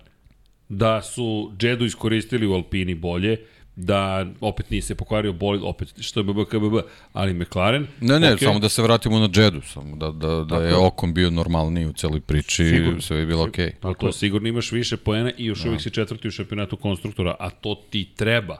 McLaren je međutim Kako ne? ponovo na poziciji koju je imao prošle godine i činjenica teško doći do trećeg mesta, ali opet četvrto moraš da odbraniš. Moraš da ostaneš na toj Ma poziciji. dobro, moraš. ko zna kako će to da se razvije sve u Bravo, nastavku naravno, sezone. Da, ma da. Vidi, ima još mnogo ljudi. E, zato pričamo o pristupu. Meni ovaj pristup, ovo što su demonstrirali e, Norris i Ricardo, to je pravi pristup. Za Jer njih, ti da. moraš da ti moraš da da skupljaš poene, moraš to ti je to ti daje onako neki neki vetar u leđa svima i timu i vozačima da da da guraju napred, znaš. Rezultati su merilo. A rezultat je kad kad kontinuirano osvajaš poene, a ne da kažeš uh, uh, ne znam, uh, moram da probam ovo ili ono. Ne, moraš da napraviš rezultat. I apropo toga, Esteban Ocon jeste trkao se i to je moglo da bude mudrije, ali isto tako Esteban Ocon je čovek koji donosi rezultate. Sedmi, šesti, sedmi. Od tri trke čovek je završio sve tri trke i osvojio bodove, čak nekako poluvidljivo u odnosu na Fernanda Alonsa, ali ako pogledamo, s izuzetkom tog, tog da kažemo, baš agresivnog momenta u Saudijskoj Arabiji, e, Esteban Ocon ove godine Pa ja, ti znaš da ja, ja stvarno volim Esteban Okona, mislim, volim njegov, njegovu vožnju, ali to je stvarno bila glupost. Znaš, to je druga trka sezone, to, pogotovo, znaš, Uh, ne treba ti da se dokazuješ tako što će se trkaš sa Fernandom Alonso, pogotovo taj Alonso, Alonso ti je i najveći ovaj krivac po znacima na ovo što si pobedio prošle godine. Znači, mora postoji neki, znaš, neki timski rad u trenucima kada nije, nije neophodno da ti na stazi bilo šta dokazuješ. Mislim Pa dobro, da je on, već ima imao, istoriju znaš, tih, ima tih istoriju, nekih da. trenutaka, jednostavno, očigledno je- neki ponos, nešto ne dozvoljava, nešto nešto, ne proradi u da, njemu, da. očigledno da je jači od njega, ali ovaj, što ne kaže, eto, on donosi te bodove, sad to što je moglo da bude malo bolje i, i malo više, to je sad već stvar za ekipu da, da, da vidi kako to da reše s njim, ali mislim da je to to je neizlečivo. Da, bojim se da je to To će se dešavati, da. karakter. Mo, da, mogli smo da, da. podvedemo pod mladost ono što je ono sa Da. čekom što se dešavalo, ali očigledno da je to on. To je stvar karaktera. Pa, da, on je ta nova generacija. On mi, on mi vuče kao Verstappen. Pa setite se Okona i Verstappena kada ga je Verstappen preticao za ceo krug u Brazilu. On je Verstappena de facto koštao pobede. Dakle, da. to nije šampionska sezona. A dobro, ali sećate se i Perezu McLarenu sa Raikkonenom, kako Da, su to dueli bili, tako da Jeste. Oni su trkači, mislim, ne, neke Jeste, stvari jeste. treba razumeti opet sa druge strane kad, kad do, prođu neke godine, malo kad stigne i to neko iskustvo i ostvariš taj neki cilj i osvojiš veliku nagradu, tako treba, treba malo u nekim trenucima samo biti razumniji. Ja, ja sam uvek za to da je gaz do daske i trkanje naravno uvek, ali ipak razum u nekim trenucima treba da, da zato što, zato što to i tebi u ne, nekoj krajnjoj situaciji može da donese korist. Jasno, slažem se da. skroz. Ali Verovatno svakom bi slučaju- on možda na toj trci bio na boljem plasmanu da je, da je, da je malo ovaj, spustio loptu. Mm. Dobro. Ali Bilo pa najbolji prošlo. od ostatka Tako je. sveta. Francuzi sedmi u šampionatu vozača, 20 poena, ispred je Landa Norisa koji sada ima 16 na osmoj poziciji. I Lando pohvale, apropo samo i na pojedinačnom nivou, peta pozicija za Norisa, iskoristio sve što se otvorilo i hvala lepo. To je Lando. To je Lando. Bukvalno to je Lando. E, inače, pohvalio bih takođe Valterija Bottasa, posle odustajanja na prethodnoj trci. Evo ga Valteri. Prekine one niz. Prekinuo je niz u kvalifikacijama. 103 To je šteta. trke i 103, u stvari, uspešni kvalifikacije u završi Q3. među Q3. Ovog A puta dobro. nije, ni- ali mislim da mu je draže ovo što je osvojio ponovo poene Pa i da. to je poenta, Alfa osvoja poene. I za malo Gvanju Joe da je osvoji, da nije bilo fantoma zvanog Aleksandra Abula. E, to je, Da. To je savršen opis. Hoćemo, a, a, hoćemo da iskoristimo priliku. Vratit ćemo se na Pjera Gaslija. Pa, Ma, ajde, pusti ali- Gasly, A, a, lako ćemo. Gasly. Lako ćemo Gaslija. Da. Ne, ajmo, Gaslija. Fantom, falt, fantom, pa dobro, Gasly, Gaslijevu trku bih podveo pod Alonsov komentar. Ko je u Alfa Tauriju? Gasli. Što ne pretiče? Jeste, jeste. Ceo komentar se sveo na to. Ne Od- znamo odličan ni mi. komentar, da. Ali odličan komentar. Ne zna, niko Ja sam ne mislio da je čak da je verovatno mudar da ovaj da da ne želi da pretekne da da želi da ostane u DRS-u i da, Da, se da, da. plaši ovih iza, ali Da. ali nije to bio slučaj. Nije to bio slučaj. Ne, nažalost nije bio slučaj, ali na to bih sveo trku, ali opet dva pojena za Pjera Gaslija. No, Fantom, Aleksandar Albon. Kako se on nama provukao, pre čemu mi koji pratimo i sad pa je odjednom Albon i kao okej, a da Pa ne, jednostavno bio ispod radara zato što očekuješ da mora da ode u, u, da, da promeni Ja sam gume za- i ja sam čak njegova trka je zanemario, Ja sam završena. čuo, da, zanemario da. sam čak Leclerca i ono, ja kad sam vidio da je Albon 10, nisam mogu da verujem. Meni je to bilo jače nego što je Leclerc pobedio. Jer ono, ono neverovatno. Što osvoje čovjek poen, trka se na istim gumama, posjetio me na, na, na Bottasa, gde ono Da. beše u Kini kad je, ili ne, Rosberg, Rosberg u Kini kad je vozio na, Rosberg u Baku. u Baku, kad je vozio da. na tvrdim gumama celu trku. Evo i čovjek odvezan na, na tvrdim gumama celu trku, ušao u boks, prešao na crvene i, i uzeo poen. Da, prešao Da na crvene može- samo da zaštiti poziciju. da. Tako je, samo daš ti poziciju. Ne, ne, odlično razmišljanje, eto, no, rizik koji im se super isplatio. Ne, ali, ali nas dvojica koji da. nekako smo propustili, ma propustili smo taj ceo njegov krug zapravo. Da. Mi smo mislili da on ušao i prošao. Pa ne, on je on je izašao iz boksa u trenutku kad je, kad je Leclerc izašao na startni pravac, to jest kad je prolazio liniju cilja. On je on je čitav krug vozio ovaj posle Leclerc. Pratio si Josta Josta Kapita od početka od treninga. Da. Kakva nagrada za sve one probleme, čovjek ne može da veruje šta gleda. Znači vidimo se Vidi mu se da, da, da, da. On, on je onako miran čovjek, ali se vidi da, da, da li je moguće s ovakvim problemima, stvarno nevjerojatno šta im se dešava. Čekaj, Nikolas Latifi. Pa ne, Nikolas Latifi, ja, ja, ja ne, znam, mislim, možda. mislim da je već prilika da prilika potraži je, neki drugi angažman. Mislim. Što pre. Da. Ne, pa, ti, ti si baš spomenuo. Mislim, ja stvarno onako gotivio sam i, i, i od trenutka kad je ušao u Formulu 1 i sve, mislim da, mislim da ima nešto, ali istrke istraku pokazuje jednostavno da, da se ne snalazi u, u situacijama Nikako. nekim i, i ne ide jednostavno. Kad ne ide, onda ne ide.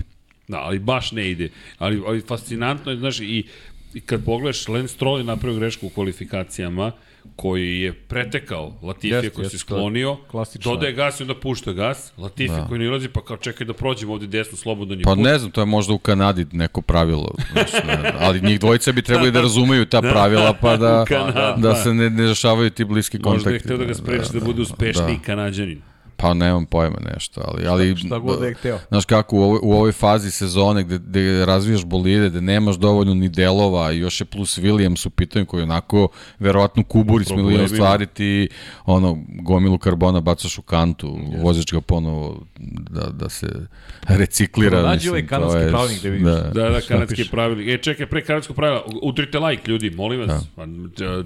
Čekajte, samo za Ferarijevci, šta je sad? Počele su pobede i nema više lajkova. Ne razumem, na početku sezone kažeš ko navija za Ferrari, neko Pa ne, mislim da ovi sad što nas slušaju trenutno da ne navijaju za Ferrari, tako Misliš, da, da. nek se jave ako navijaju, ali čisto sumnjam.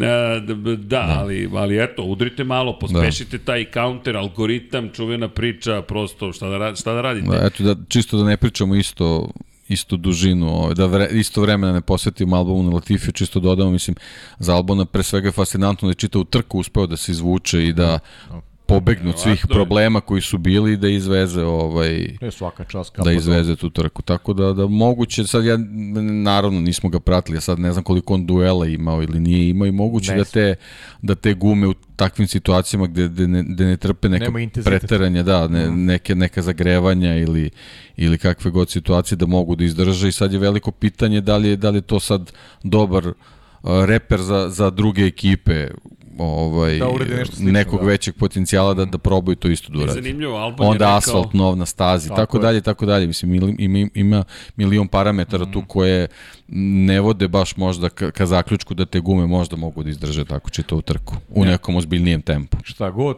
da. kapa dole. Ne, ne, kapa dole, apsolutno da, da izvezeš čitavu trku na onakvoj stazi, bez ikakve greške. To je, to je Svaki najvažnije. I no. samim tim što je bio neprimetan, jasno govori da nije napravio nikakvu situaciju da se nađe u kadru. Naravno, da. I, i on je izašao 30 tinki ispred Joa. On je izašao bukvalno 30 tinki. Joe, Joe je bio, bio tako blizu poena. Ja sam već proglasio osvajača ja poena. Sam, mi Dve pa da, ali, ali ta taktika da oni su bili svesni da je on, ali stavljanje na meke gume. Ali, tako je. znaš gde nam je pobegao? Te 30 tinke prestali smo da ga pratimo u tipa post, pretposlednjem i, i, i nadposlednjem krugu, jer smo bili ubeđeni, ok, nema šanse. Međutim, on je odvezao neke od svojih najbržih krugova na tako starim gumama i zanimljivo je posle trke rekao, ovo je C2 bolid. Bukvalno je to izjavio, rekao ovo je bolid iz nekog razloga koji funkcioniše sa C2 gumama. I C2 bolid, to je njegova izjava smejao se, baš se smejao, znači on i Lando Norris u, intervju prvom posle, inače fascinantno, Lando Norris je tačno znao šta se desilo sa Alonso kada se završila trka i pitao ga kako. On je odmah pričao sa inženjerom o svim vozačima protiv kojih su imali bitke, kakve su im bile trke. I Alonso je trko pisao uz osmeh, kaže, e, ušao je, prošao na srednje tvrde, deg mu se desi, onda je prešao na druge. I, i, i uz zadovoljstvo konstatovo da nisu mogli da izdrže. Onda su se oni album nešto dobro Da, ovo, ne, ne sve na društvenim mrežama, ovo je prva trka gde su ovi Twitch klinci svi uzeli bodove. Da, Twitch klinci, bukvalno. Leclerc, da, da. Lando, Russell, Albon jest. i Russell. Da, da, da. Jest. Cijela ekipa. A to je fenomenalno. e, moramo da twitchujemo, nema šta. Nema šta. Ma 100%. Samo nam to još hvala. jedva ček, jedva ček. Dobro, možda kada bi neko mlađi bio u studiju ko bi mogao da vozi.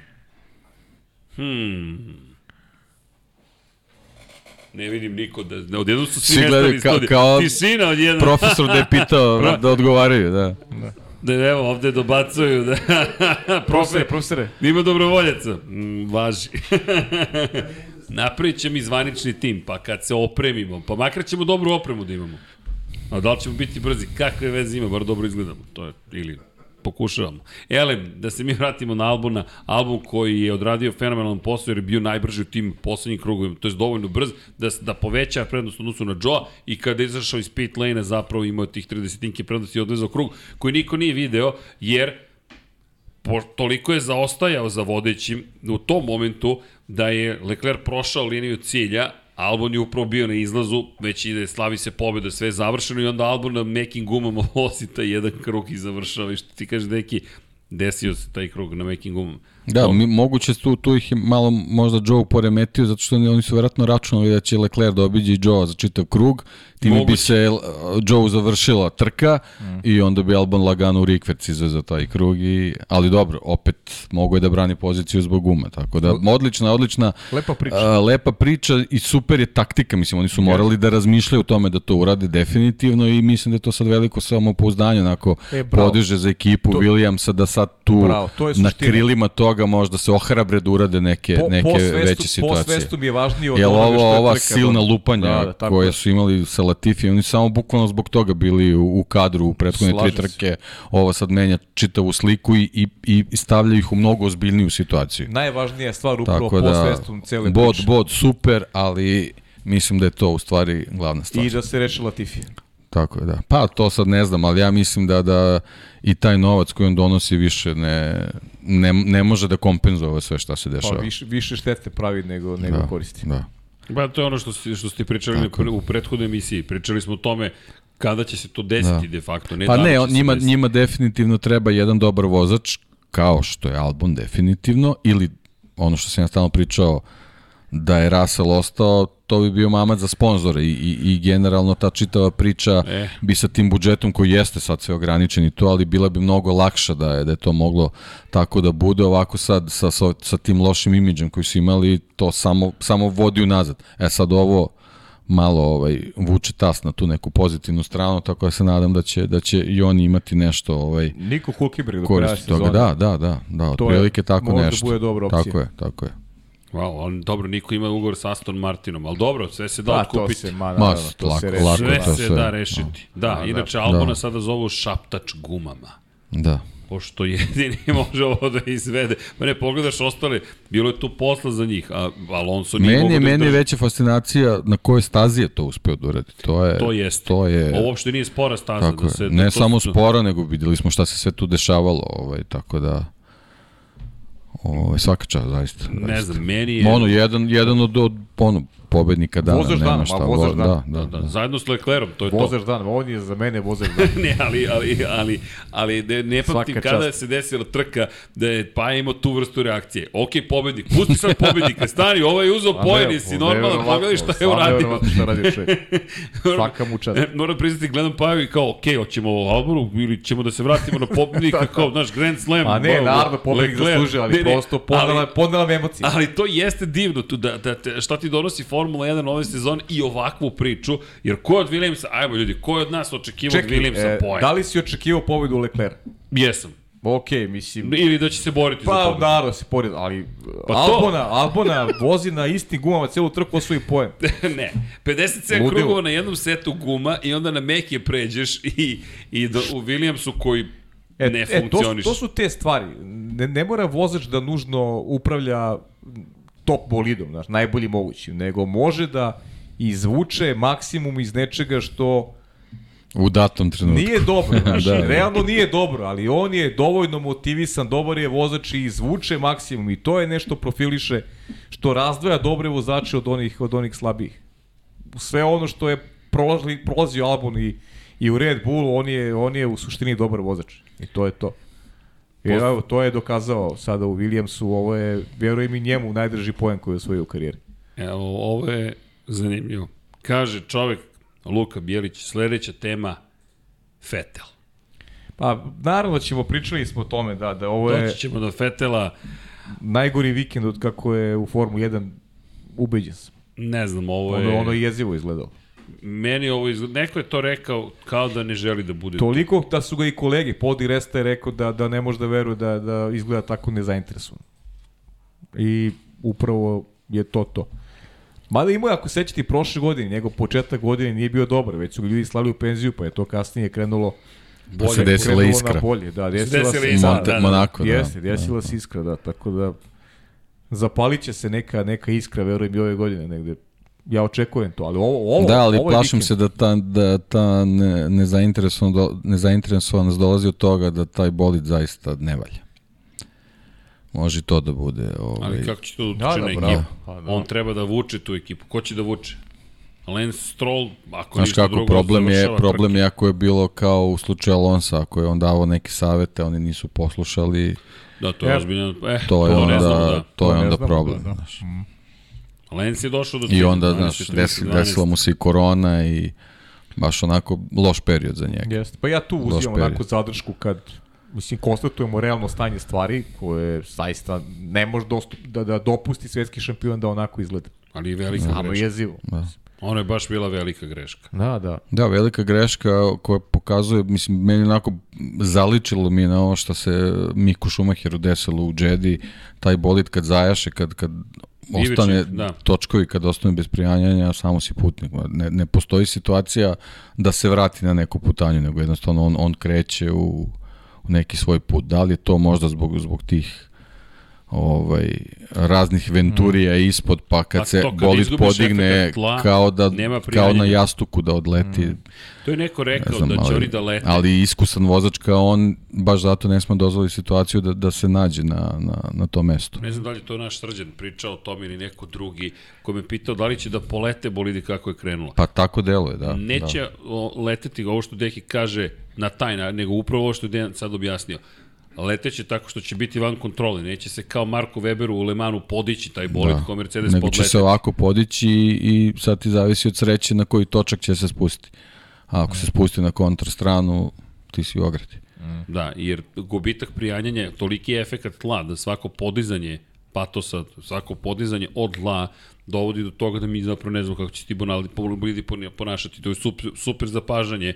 Moramo da, Da. pratimo u budućnosti kada prelaze preko ivičnika šta će se događati. Lepo si rekao, ko sa Šumahirom? Op, otišao desni točak, snicam okolnosti, baš skretanje je išlo u levo pa u desno. Isti set splet zapravo krivina na neki način. Da.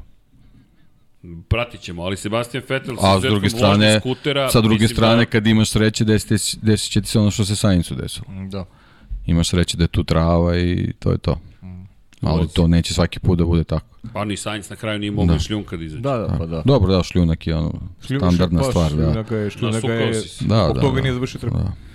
Da, nadao se da mogu da ga vrate, ali ne. Ali u svakom slučaju, Vettel, da, da nije bilo skutera i kazna od 5000 evra, verovatno ne bismo imali šta da spomenemo pozitivno, ali Pa i mislim, kvaronivi na bolidu, Ali ni to i pozitivno, on se problemi. više vozi u skuteru nego u bolidu. Pa pozitivno, u više u kontekstu toga nešto makar da kažeš da nije tragično no, zapravo u celoj priči, ali i da, posledic, zapravo to se desilo Jer ti kad zahvaljujući odustajanju. da, bis, eto, nismo, nismo to uradili. Koliko minuta? koliko je minuta proveo sve zajedno na stazi? Od prvog treninga pa, pa eto, koliko je učestvovao u trci? Vrlo, vrlo. Ja ne znam da li, da li bio sve zajedno sat vremena na stazi.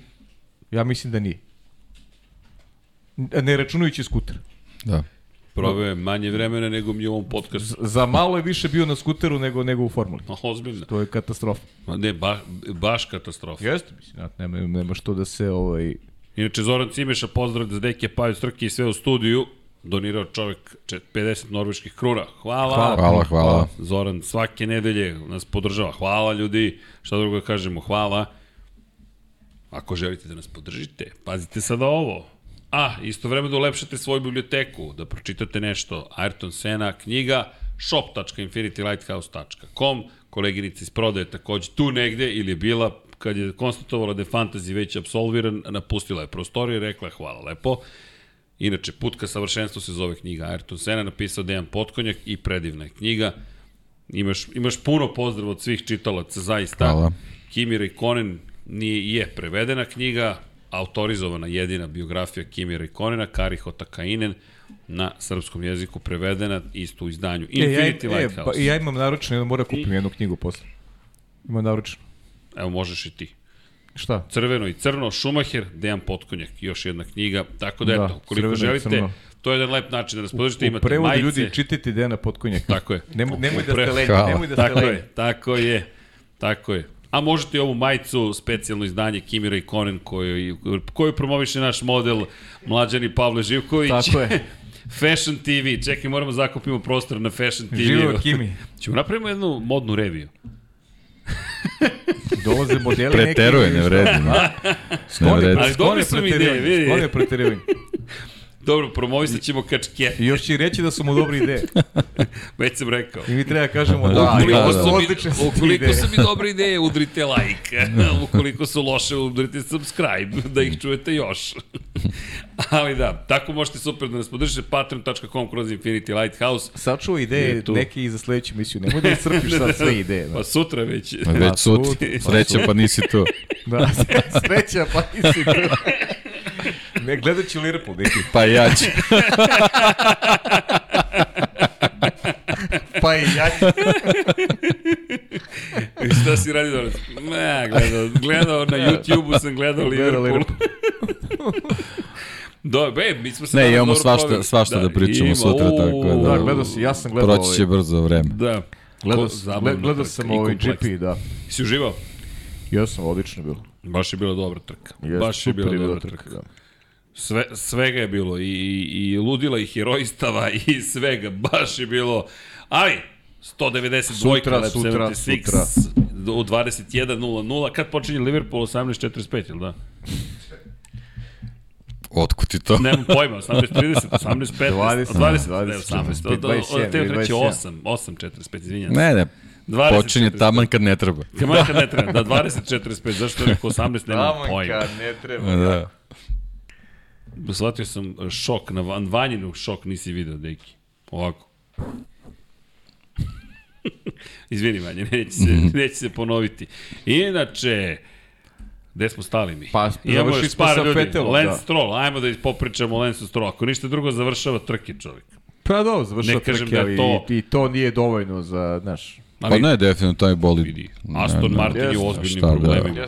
Oni, vidi, ovo ne mogu Mislim, da dozvore. Stroll je ono čovjek pokazao tokom karijere s vremena na vreme, stvarno i da je brz i kad, kad se sklope neke kockice, može, Može ono da, da, rezultata. da, do dobrog rezultata i ume da isporuči to do kraja kad je u toj situaciji, ali Vidi, ovako odustaje. kad, kad se dešavaju ovako neke situacije sa lošim automobilima, ni, ni on se tu baš ne snalazi, a ono ti si spominjao, spominjao ovaj, tokom trkačkog vikenda, mislim koliko je novca tu uloženo i kakve su ambicije bilo, ovo je stvarno katastrofa, mislim ne znam kako bi drugačije to nazvao. Stvarno vidi. smo očekivali da Aston Martin da se uključi u neku u neku borbu, bar, bar za tu neku sredinu tabela, ovo je mnogo loše. Ima tu još jedna stvar. Inače, pozdrav za ekipu koja se fotografisala tamo sa RB14-icom između tržnog centra i poslovnog centra Ušće. Dolaze ljudi i dijelimično imaju veze sa Velikom Britanijom i pričaju British Racing Green. Rekao je, British Racing Green, baš im i ne Nešto ide da, nešto ove im godine. ide, da. A to je, to je nešto što vredi spomenuti. To je boja koja se mnogo poštuje. Cijel, taj, cijela priča o Aston Martinu ima veliko značenje. Uopšte to nije tako naivno. Odjednom imamo bolid koji je izgledao lepo na početku sezoni to je sve. To je sve što se desilo. Koncept očigledno nije dobar. Pri, priča se uveliko o tom bolidu broj 2. Čekamo svi Barcelonu. Ali ovo je dramatično s obzirom na činjenicu da Lorenz Stroll investirao mnogo. I ne samo što je investirao mnogo. On je svoju reputaciju Pa stavio. ne samo ovde. Lorenz Stroll, mislim, vidi se generalno da marketinški čitava priča super prošla, mi vidimo koji su tu sve sponzori na, na, na, na tom bolidu i to stvarno, stvarno izgleda ozbiljno, mislim, i ona promocija i sve to bilo super, ovaj, ali, ali generalno kad, kad je tebi ovaj, Vettelov udes i safety car koji isto bio Aston Martin najviše u kadru, onda jasno je da tu nešto nije kako treba. to je ono što pričali s početka godine. A i žalili su se na, na safety car da je spor. Da, da je sport, da. Tako da I on nešto, nešto ovaj, sa, sa marketingom Aston Martina nije kako treba. E, pa to ono što smo pričali u podcastu. Bolje se početak Jamesa sezone, Bonda. Maske padaju. Znaš, Da. ne možeš više se Pa vadiš nema, na priču, nema, ja sam da, da, pripremao da, za da. 2020. Ne, ovo je baš nezgodna je- sezona, ono, pričali smo. Nova su pravila nove generacije i, i, i ko se snađe dobro može lako mnogo da odskoči, a ovi drugi koji promaše temu baš mogu da budu u Pa da, podrumu. više oni koji su promašili temu. Da, da. Ovo je ozbiljno promašaj teme. I ne samo to, ono što si ti rekao, apropo Ne toga da marketički... ljudstvo, šta su sve doveli pod svoje skute. Angažovali ljudi iz Mercedesa. ljudi Ne, mnogo košta igranka ta. I to ono što Mnogo hoću da kažem. Lorenz Stroll je investirao svoj ugled takođe. Jer ti si, on, ti si vođa ovog projekta. Ti si nama rekao, uđite sa mnom u igranku. Kada uđete u Aston Martin, do, dolazi uspeh u Formuli 1. Sebastian Vettel će voziti četvorostruki Koji košta šampion. puno. Koji košta. On je istovremeno vlasnik On 5% će jedino moći da kompanije. vrati pare od, od Lensa. Lens. Ovo ostalo... Pazi, Može Vettel da ima zaboravi. 5% Piše kompanije. Da. Njegovi, njegovi 5%. Zato, 5% zato ima. je neraspoložen. Da, da, da, da, B- berza. Shva- Shvatio i u što je uložio. Vidi, ali od njega zavisi vrednost akcija. Tako da, u sebe da. si se kladio. I pored toga, Mercedes je suvlasnik u celoj toj priči i svi ti sponzori će sedeti kod Lorenza Strola Samo i ću reći ti reći i- i- jednu stvar. gde su Evo, rezultati. do kraja godine Vettel podijum jedan ima. O, Vanja, piši ovo, Da, moramo da da, isečemo. da, time code. Nismo isekli Pajinu Vettel- izjavu. Vettel podijum do kraja godine. Šta si rekao prošle nedelje? Da je Luis opasno brzo u odnosu na Hamiltona. A da, to sam rekao. Tako Vidiš? da, vidi, Ne, to je bilo pre dve nedelje. Ne, pre dve nedelje, ne mogu da se setim, ali bilo Ne, fenomenalno. ne, nešto, ne mogu, ne, nije, nije, nije taj kontekst slično. bio. Lewis nešto. i Hamilton Da su su... Lewis i- to je kada su ne, Lewis Lewis i Hamilton su isti. da su ne, ono- Lewis i Hamilton su isti. Lewis i Hamilton su... Znači, nema isti Jekylla i. Hyde. Isto je sve. ne, ne, isto je. Ali pazi, Ali, Ali dobro zvuči. ali, ali, Ali dobro zvuči. već sam promašio. Napriš, ne, napriš majicu, Lewis jednako Hamilton. To je, pazi, to je jedina stvar koju sigurno nisam promašio. da. Ali dobro, dakle, rekao si, Deki je najavio još me, mesecima napred da će Leclerc da pobedi na prvoj trci sezone. Pa Tako je. je. prognozirao i Honda. Prognozirao su još mnogo stvari, tako Jesu, da, da. slušajte šta govore i jedan i drugi. A pratite koleginicu iz prodaje kada je reč o fantaziju. Da. to, to im Nas mudrost. zaboravite. Nas zaboravite. Ja ne znam, Koji smo? provjerit Ja ćemo sam posle. 4000 ti, tako nešto. U Ajde, Formuli kraj. 1, ja sam Ja sam- 1900. Da, ja, Pa je 1000 ti. Ne, mene, Pa da, ne mene uništio me. Verstappen.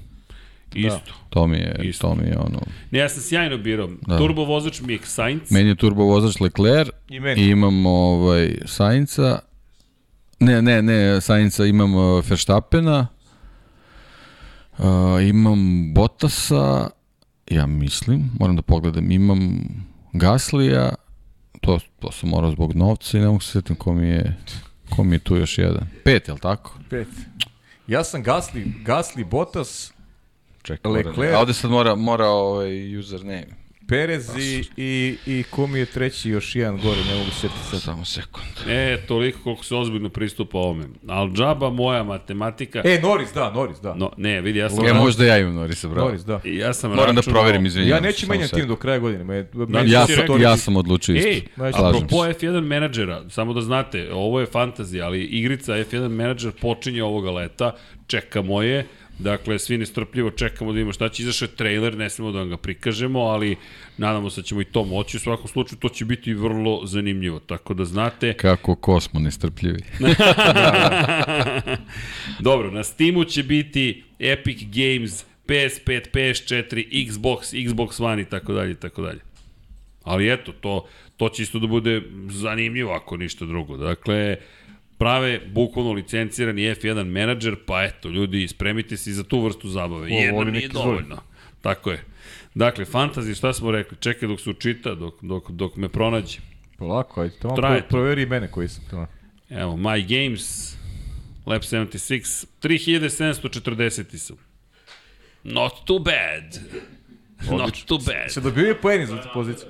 To, to je napredak, stvarno. O, A koji sam ja? a Pogledaj. slušaj mi ekipu. Verstappen, Verstappen 4 poena.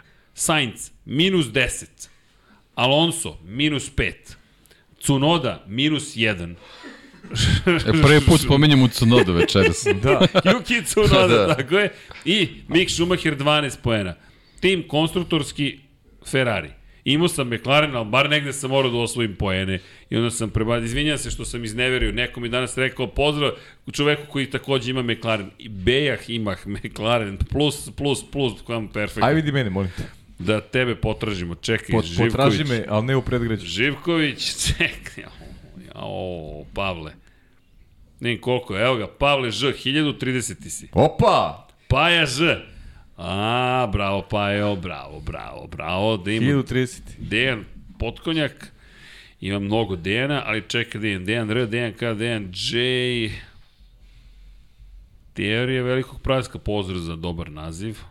Deki, ka, jesi ti Deki ili si Dejan? Nemam pojma, čekaj, evo, evo nešto. Fantastično, fantastično. Gde znam koji su. Potkonjaka nema. Kako ti se zove tim? Žakarepka, bu... Moguće. mislim se ugasio. Tako se zvala prošle godine. Soriša. Nema veze. Žakarepa Gua. Jaka... Re, nema. Dobro, dok nađemo Dekijev, dakle, gde je? Uh, Milan D, inače vodi. ne, ne, vidi, imao sam Verstappen, Leclerc, Norris, Tsunoda, Albon. Opa! To ti je ekipa. Da, Al, ali ti veruješ u Cunodu? Albona ima. dono mi minus jedan. Da, Albona, da. Koliko ti, koliko ti donao Albon? Pet vodova. Ja bi Albonu, za Albona bi dao 100 bodova za. Kako samo pet? Pet Koliko je vodova. napredovao? u- Pet vodova. A Leclerc je 98 dono. To je, Leclerc je to 90. Da, da, da, da. da. Meni je Verstappen cijela četiri Koji si ti bodova. deki? Evo sad ću da vidim, samo nađem ligu. 1610.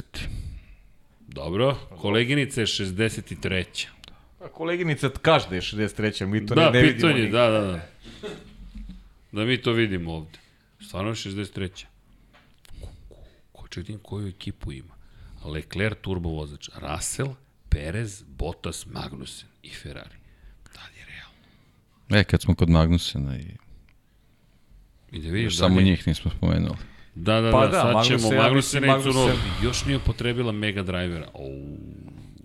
Magnussen ima te probleme zdravstvene vratom, da. sa vratom i moraće malo teretane da, Da, da prođe da, da, da. sada da se da se malo prilagodi više jer on čovjek nije nije računao na ovo što mu se dešava Da. uopšte. Pa da, i opet priča o brzinama na ovoj Pa stazi. da, fizička Ovo nije spora priprema staza, koliko je važno. On, on si konstantno žali na to. Žalio si kad je osvajao poene, a ne sad, mislim. To, to svaki, Ima dve nedelje da svaki imamo, meč, to je svaki Pa meč da, je dobro, čovjek da. je čovjek izvučen sa odmora, mislim. Tako je, dobro, nije bukvalno. sa odmora, Pa, trka, ali trka se on, više. ali Pa da, ali nije to to. nije to to, nije, Nije, to, ta to. priprema. Tako da, svaka čast. I, i pazi, imamo i tu vrstu A okolnosti. imamo, imamo i Mika a koji ima onaj strašan udes u, u. Jedi, to mislim, oporavak od toga traje što ono psihofizička. Jeste. Ali seti se Magnusena i ovde. da, da. Koliko lepog trkanja je bilo s njegove strane. Zaista se lepo trkao Magnusen i, i, i Jest, stazi. Baš je bilo dobro. Baš je zabavno bilo. Baš. Bilo stvarno, dobro. stvarno lepo vozi i Nije osvojio Mnogo- poene. mnogo dobro rešenje Mik je Haas. završio ispred, ali Haas 13 i 14, ali nije izgledao tako loše. Veći problem mi deluje da su bile kvalifikacije, da tu nisu Jesu, odradili pa, posao kako treba. tako je. I da ih je to koštalo i to je to. Jed, vrlo jednostavno. Bukvalno to je to. S tim Da. što opet. Verovatno im trebaju, verovatno im trebaju staze koje poznaju. Tako ipak, je, tako ipak je. ovaj, još su oni u toj situaciji, još su mladi. Jeste. Jeste, Nisu ovo je- navikli na uspeh. Ovo, ovo, da, ovo je novo. Ali Imola, Ovo je Imola, novo lepo si da, rekao, pravi da. test. Pri Jel čemu- ovde bukvalno nikakve parametre nisi imao, promenjene su krivine, asfalt je drugi i ne može Haas baš da, da isparira drugim ekipama. Mada nisu si ni ostali sad nešto Ne, proslavili se- s tog donjeg doma, tako da... Ali Sasvim okej, Nisu da, se da, obrukali. da. E da i da pohvalimo Guanju Joa. Joa. Joa je na kraju završio malo iza Albora, 11. pozicija. G.I. Joe. Pa znaš, znaš kako, ne viđamo ga što je dobro. Da, da, da, da, Novajli obično Pa da, vidiš kada je da, incident. da. Ne viđamo ga što je dobro. Znači on ima, ima neki, neki ritam svoj, ne pravi Da, greške. za razliku od Sinode prošle godine. Ali, ali generalno Da. da. Vajli, i, i Mika smo, i Mika smo viđali, i Cunodu smo viđali, znaš, kad uđe neko novi, obično se, trebamo malo vreme. Mi, mi Joe Da. ne viđamo. A ovo je baš nezgodna staza bila. Jeste. Pazi, ovde su zidovi vrlo blizu. I to je ono što mene oduševlja kod Joa. Pritom Joe On nema završava. iskustva sa, Ne. sa Melbourneom. Ne, ne. Pazi, pritom, Da. da. pritom i nova konfiguracija. Drugačija staza. Stvarno je odradio posao svaka čast. Ne znam, meni se dopada kako radi. Um, Zaista, taj, taj, taj ceo moment u kojem on strpljivo radi. To je mene ono što oduševljava. On čovek nigde Pa ne dobro, žuri. seća, sećate ga se i prošle godine. On nije imao neke agresivne situacije. Nije, nije, tako. čak, čak si ga ti par puta i prekorio Jest, kako, jest. kako nije ovaj, odlučniji u nekim momentima. Tako da to je očigledno njegov, njegov stil i Jest. deluje da je okej, a eto, ima i brzinu. Nije, nije on daleko od Botasa Tako u je. nekim, u nekim zbirovima. Koji daleko više iskustva imaju. Ne, ne, ne, ne, neuporedivo, da, apsolutno. A dobro izgleda bot, nekako stabilno, standardno. Ne, Dobro nema, to je za Alfu sasvim okej. Sećate se priče pre početka sezone, mislili smo da ko zna šta će tu sve Da, da, da, da. bude, ovo je, ovo je super. Fenomenalno. Ja sam zaista obradovan i mislim da je Joe neko koga, koga ćemo spominjati na kraju trka uvek ovako. Ali dobro, idemo, idemo dalje. Na Jedno je sigurno, Joe i Joe je ista osoba. Da, Isto Joe i Joe, da, više ne znamo šta je Joe, Joe, ali neka ne zameri Guan Yu. Pa možemo govorimo Guan Yu. Možeš. Eto, Neće se ljutiti. Siguran sam da Alex, se neće ljutiti. Pierre, 100%. Lando. Pisao mi i rekao mi, može slobodno. Da. Dobro. A Juki, šta ćemo Va, s Juki? važi Da. Joe. Šta ćemo s Juki? Juki više nije ruki, tako da, Da. ovaj, No, moramo davno. sada malo onako 15. ozbiljnije da gledamo. šta da. je sad ovo? Pa da ti ga, nova staza, ali, ali, ok. ali samo ti kažem nešto. Nije za mene Juki, možda smo, ne znam, možda si ti potencirao malo više na tim Da. očekivanjima. Meni je veće razočaranje Gasly nego Juki, iskreno. Bez ozira što. Gasly osvaja poene, ja očekujem više. Meni, meni Juki nije razočaranje, to je... A Gasly jeste. Jer ja očekujem sada da se ta lestvica pomera na gore kada je u pitanju Pierre Gasly. Ajmo da I pokušamo... opet ne pričamo o, o bolidu, nego pričamo o tome da ti vidiš da je on uradio maksimalan posao, a to ne vidiš. Realno ne vidiš. Da pazi, Gasli, da- koji je utisak koji imamo sa trke? Da mu je previše vremena trebalo da pretekne. Ma katastrofa, ono je stvarno za, re, za renome Da, takvog da, vozača da, da. to je nedopustivo. Bukvalno je dopustio, potpuno neagresivan. I, Kao i da je- potpuno ispravan komentar. Pa Alonso, ne, kao, Alonso. kao da se hipnotisao, ono, kao gledaš naprijed, gledaš u retrovizor i Da. bolje da ostanem ovde. Da, da loše izgleda. Da, da. To, to, to, to, to nije, nije rezon vozača. A on bi trebalo da bude neko koga treba da vrati u Red Posebno Bull. što u, Da. u toj konstelaciji te trojke koje su u tom trenutku zadesila da jedan ono već na papiru penzioner da da reaguje mnogo agresivnije od tebe ne, I da se pritom nije, je. nije njegov bolid superiorniji ne znam koliko Pritom, deki, Da. imamo razlog da kritikujemo tija malo nam doprinosi u fantaziju. To posebno posebno posebno Dobro, lepo ste ga izabrali. Da. pa da A šta ja da kažem sa Juki? ne ne šalim dogovorili ne, smo se šalim, nećemo da diramo to ostaje do Ne, kraja ne, ne, ne, sezone ne, ne, i ma, evo, to je to se, ma kakvi, ne menjam ništa. Da. Ali stvarno je sad, šal na stranu, stvarno od Ga Gasly je taj koji treba da vuče tu ekipu. A Juki imao je te svetle momente s kraja prošle godine, međutim zaista nemam neka neka velika očekivanja od, od Pa i od to i ono, moramo da vidimo kako će se sad, sad sve da se sa Hondom izdešava, on na izlaznim vratima vrlo lako može da bude. Da. Pa, Tako da, da nije, mu, nije mu baš onako Ali- situacija ušuškana. Ali, pazi, ako ćemo, ako ćemo pravo ovako, 400 inženjera je stiglo u Milton Keynes. I oni ljudi treba da se bave i motorom, pogonskim jedinicama generalno, prenosi, prenosom, dakle, prenos je takođe podjednako važan. Šta li večeras radi? Šta, e, šta li večeras? Ali znaš šta je zanimljivo? E, upravo to. Znaš gde je motor?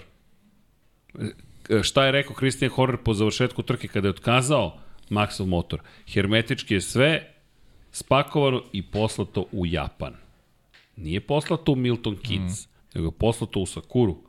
Dakle, Honda, iako nije tu, je i dalje i tekako tu. I cela priča Honda se je povukla, a piše Honda Racing.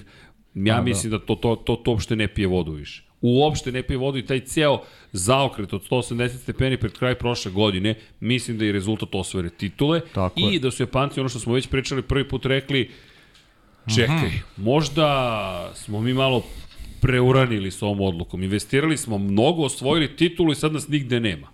Pa da. Nema Živa mnogo istina. smisla. A ovako sa Honda Racingom si se završio. Mi tu nešto učestvujemo, si se zaštitio. E, kao kažeš, ok, mi smo ovde zaštićeni, ali i dalje učestvujemo.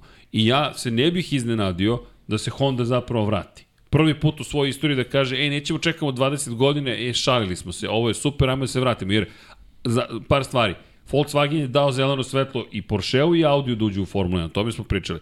Porsche priča se sa Red Bullom, ali to nije 100% sigurno. Dakle, s druge strane, sve je bliža saradnja i dalje bliska saradnja sa Hondom. Ukoliko to dobro radi, što bi to menjao? E, bro, to ste ti kažem, stavi su poziciju Red Bulla. Zašto bi menjao to? Zašto ne bi otišao sa Hondom i rekao, ljudi, ajmo mi da nastavimo nešto što je uspešno. I ima još jedna Ma stvar. dobro, ali Red Bull voli te izazove. Dobro, to Nije fakat, to, to fakat. Dobro. Nisu to oni fakat, to- tradicionalisti u tom. To si u pravu, u da, tom. a- agresivan stav i ali, tu. To, ali to, okej, to. ali imaju... Oni vole izazove, ne, nema I, to ima, imaju greška. partnera koji im, Da. koji im je donao nešto. Ali- Ali, im je, ne, Pa ne, znam, im ali, ali Porsche ako bude ulazi, ono što, što sam rekao, ja Da, bih da. to zaista voleo, mislim da, ne, mislim da će neće to- biti neće izleti biti kao što je to problema. bilo ranije, Da, I, nego jednostavno kad se vratiš, kao što je bilo i sa McLarenom i jednostavno to mora Vratiš da bude, kako mora da bude kako treba. Ima tu još jedan, jedna stvar koja je mnogo bitna, to je Max Verstappen.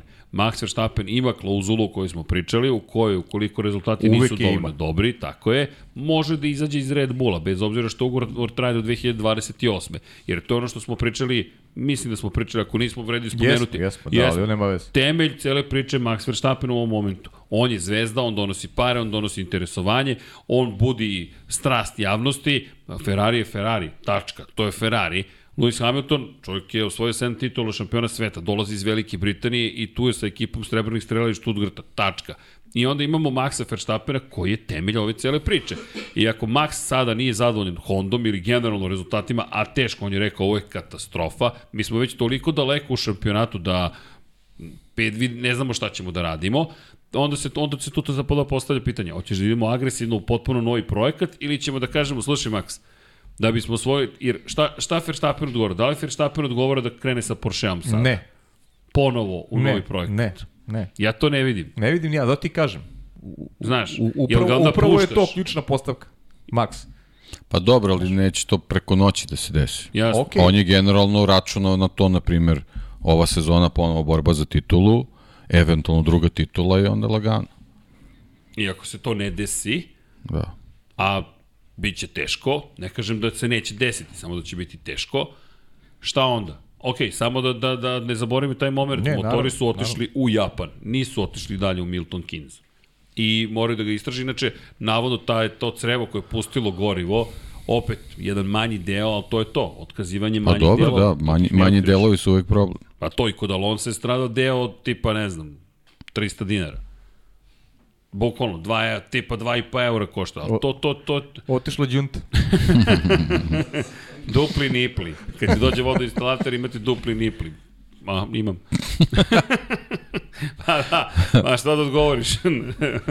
ne znam, imam upitnik iznad glave veliki i to je prilike to. Koleginici iz prodaje čestitamo na 63. poziciji, provjerili smo verodostojnost vaših Morali informacija. su provjeriti vaše podatke. Morali smo. Komisija je ustanovila da ste ubedljivo najbolji u ovoj zgradi. Mi se ponašamo kao i novi, kao i novi direktori trke.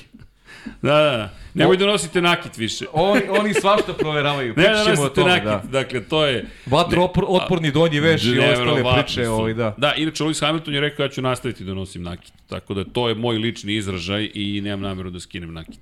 A inače to je nevjerovatno da smo dva sata, dva sata posvetili trkačkoj, ko, sastanku trkačke komisije da bismo pričali o tom. Vatrostalni donji veš, ovako, da razumem zaštitu vozača, ok, ali da u tome da to nastane da od toga nastane diskusija i da će Da, kontrola da, biti nastava priča. ne, to je Ljudi, pročitajte šta je Pierre Gasly rekao o tome. A Ovaj, ne, Pierre Gasly rekao, po- ukoliko je. žele da vide mene u, jel te, Pa ne, svašta nešto obnaženom rekao. je. izdanju tokom svake Bio je vrlo, trke da je vrlo to eksplicitan je bio ovaj Pierre Gasly. Nisam Da. da. očekivao, moram priznati, ali, ali rekao je čovjek suštinu, mislim, stvarno. Negde su prešli neku granicu. Pa, Imam utisak prešli, da da. pokušavaju da. se nametnu vozačima formule. Moj utisak je sledeći. Došli smo iz drugih takmičenja, manjih takmičenja, ali da znate da smo mi ovde glavni. To je moj utisak. A ja ne vidim da će autoritet steći tako što će na silu da sebe tu postave na neku poziciju, već da urade svoj posao. Mislim da i Masi pogrešio na isti način samo na neku drugu stranu. Tako da ne, posle Znaš inicijalnog oduševljenja malo... Nema, ajde, malo ajde da ostavimo, da, da bude jedina tema, da bude jedina tema za direktor ovaj vatro donji veš i da se smemo tome do kraja sezone, da, da, ovaj, Nadajmo da se. ne utiču mnogo na, na ishode trka i tako dalje. Dobro, to, to, da, to je jedino bitno. Neka bude ovako šaljivo, uvek ćemo prokomentarišemo vatroporni donji veš, setit ćemo se toga i malo se i nasmejati, ali Nadam se, pa je. samo da ne bude Nadam sa se. trkama neki problema. Ovo, Nadam se. ovo je u redu. Ali da, i apropo cijele te priče, dakle, šta, šta će da se desi sa, sa motorom tim i šta, koje sve probleme eventualno čekaju Hondu, navodno nije problem sa samim motorom, već sa jel te, jednim od del, jednim od creva. Inače, Verstappen je osetio miris i rekao, ljudi, ovde se osjeća nešto, nešto nije u redu i oni su videli kako polako pada pritisak goriva tokom trke. No dobro, videlo se sa, na, na, na tajmingu da, da, da, da baš počinje da. žestoko da zostaje, nije, nije bilo stvar što je Leclerc ubrzo, mm. nego jednostavno taj već boli već pola kruga, nije, nije radio kako treba. Da, i samo odustajanje Maxa Verstappena i to je bilo to. I, ali zastrašujuće, on je izgubio 36 poena zahvaljujući klarovima, već na samom početku sezone.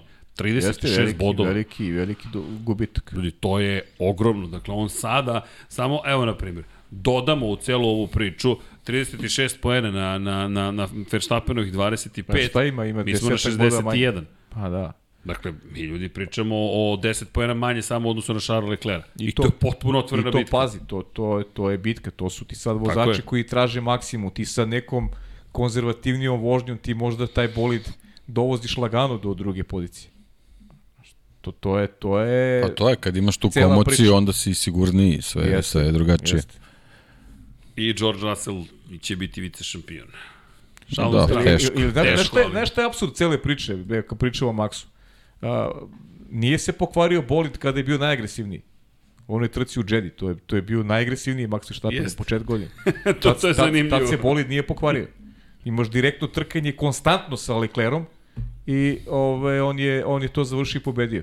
A ove dve trke gde, gde je razlika čak bila i, i veća, pogotovo sad u ovoj, ovoj trci koju smo gledali za vikend.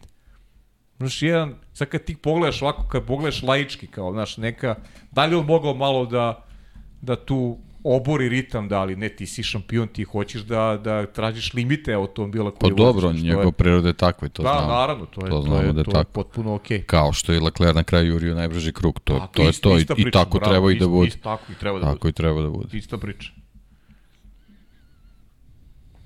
Jesmo nešto još Pa ne znam da smo... Ne spomenuli pa ne verujem, od ove da. trke. Verovatno jesmo, pa da. uvijek ima još mnogo pa stvari. Pa eto, nismo, mislim, nije direktno vezano za trku, ali si na početku tu temu ovaj, načeo vezano za, za 23. trku ove godine, šta se priča, da. da bi mogo Singapur da bude dvostruki domaćin. Katar je u igri, ali nekako taj Singapur je sad isplivao kao možda i rešenje koje, koje će na kraju pobediti. Dobro, ne znam, ja bih više volao da bude neka staza prava nego. Isto, ali... isto, ali je prosto tako stoje stvari da. trenutno. I ono što se meni dopada, iskreno volio bih da, da bude 23. pa eto, makar, makar gledali istu trku na, na dva mesta, neka bude ovaj kalendar u punoj meri ovaj, ispoštovan. Da, inače, kada pričamo o tome, i broju trka, samo da dodamo i cijelu priču, da spomenuli smo sprint trke, da ne zaboravimo da ćemo ih imati Dakle, imat ćemo sprint trke i iz te perspektive tek nam, tek nam sledi, hajde da kažemo i tu, test, ko će u tim sprint trkama da se najbolje snađe. Znam da ih niko od nas ne, nešto ne voli previše, ali to je jedna od stvari u kojima moramo da raz... mislim da treba da razmišljamo. Ja ih toliko takođe. ne volim da i ne znam kada će biti prva sprint trka. I gde. Ne znate gde će biti prva Ja ne znam stvarno. Spremi se. Spremi se. Tri, četiri. Pa, koliko se ja sećam, ajde da proverim, to bi trebalo da bude Emilija Romanja, zar ne? Tako je. To je sad sledeća trka. To je, da ne bude zabune, nisam u društvu baš najgori, mada. Imamo dokaze za suprotno 3740 od 4000 učesnika fantazija. Molim, hvala, hvala. Ne, veze, to igra. Hvala, hvala, hvala, hvala. To igra, ajde. To, hvala ti, Paja. Da je to dobar čovjek, da šta da vam kažem. Jedino Paja ovde htio da me uteši, svi ostali se smeškaju samo. Ali dobro, vidit ćemo ko se poslednji smeje. Tako je, sad kad ko, se razigra... Komesar ka, ka ligi ukinuo ligu. Ka prodicu unoda sad. A, Jel imate vi nakite, a nosite nakite, izbačeni ste iz ligi. Kako? Da. To, da. ne, to ne, ne, ne, to, to ne sam ni da izgovorim. Mobbing, tužbe itd. Ja to nisam rekao, to su ovde gledalci govorili, odreče se svake odgovornosti i molim te, baci disclaimer vanje da ja to nisam izgovorio. Tako da, u svakom slučaju, Imola ljudi, ajmo da se pozabavimo i time, Samo kratko, zašto za Imolu će preskočiti vjerojatno veliki broj stvari, pa zato što je sprint trka. I sprint trka menja u potpunosti vikend. Biće zanimljivo eto videti prvu sprint trku iz perspektive toga sa ovim novim bolidima u tom formatu i sa publikom u Italiji, eto. Ako da dodamo te stvari. Da. Ali više priče sledećeg utrka. Da, o tome, da, sledećeg utorka mnogo više priče. Dobro, čekajte, imamo, imate nešto da dodate?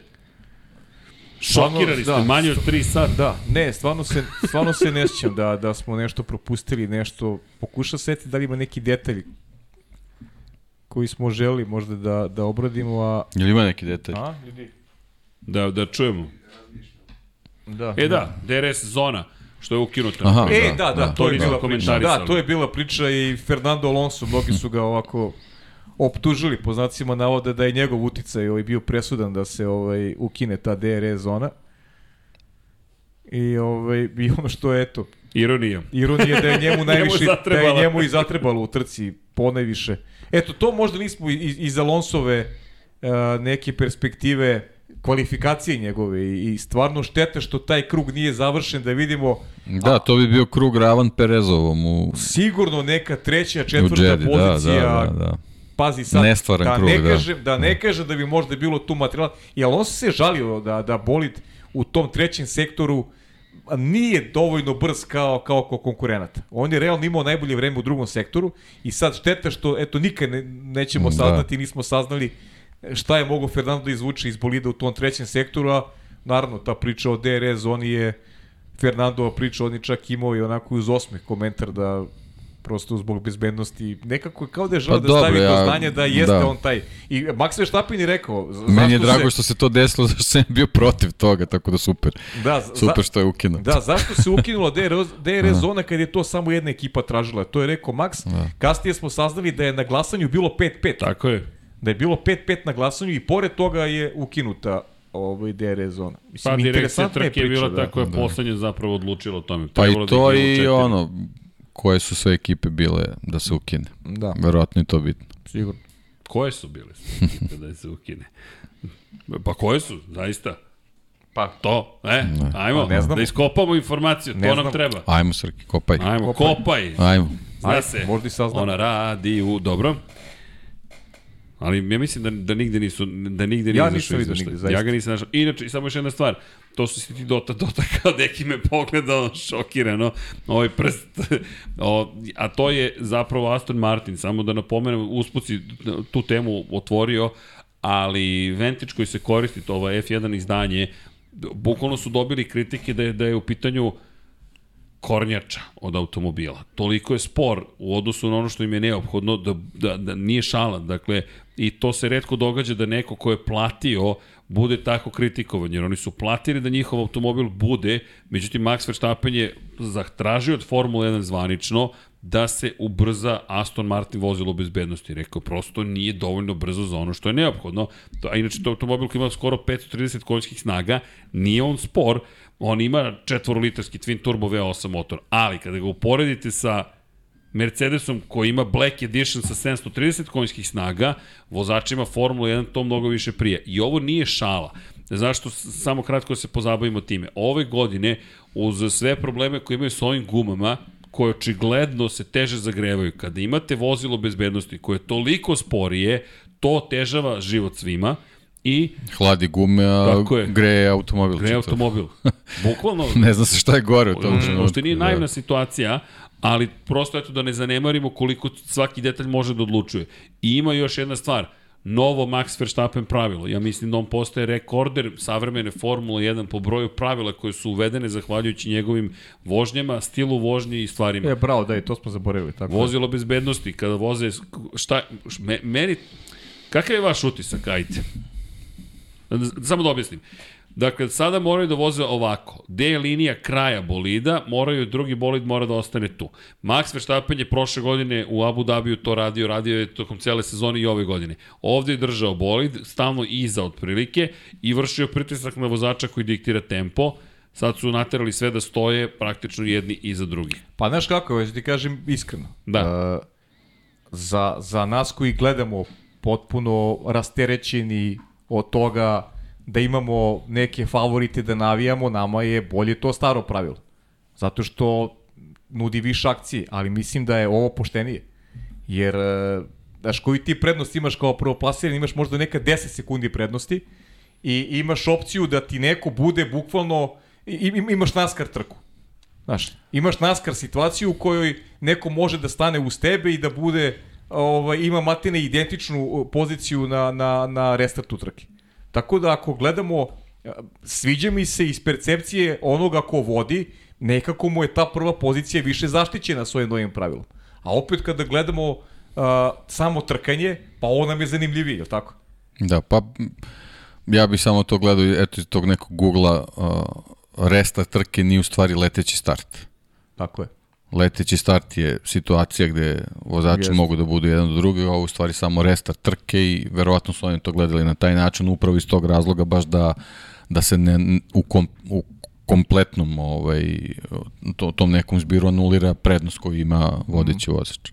Ali naravno, iz ugla ovaj, posmatrača to je onako malo Da. gubi, gubi na za- zanimljivosti, ali eto, videli smo da posebno zbog te- tog Maxtovog starta koji je uvek dobar, može da bude i tako zanimljivo. tako da, može. Rekao bih da je poštenije. vidjet ćemo. Da, ajde vidjet ćemo kako sad. bude krenula sezona, Tako. pa da, da vidimo da li, da li je zaista ovaj... Mm.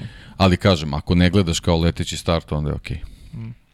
Da, ali da li je leteći start ili nije? Pa nije. Trka se samo nastavlja, nije... Ne da. krećeš iz početka. Jeste. Da, na, nastaviš trku. Aha, evo zanimljivo pitanje postavlja koleginici iz prodaja, zašto treći ne bi bolid stao tako paralelno?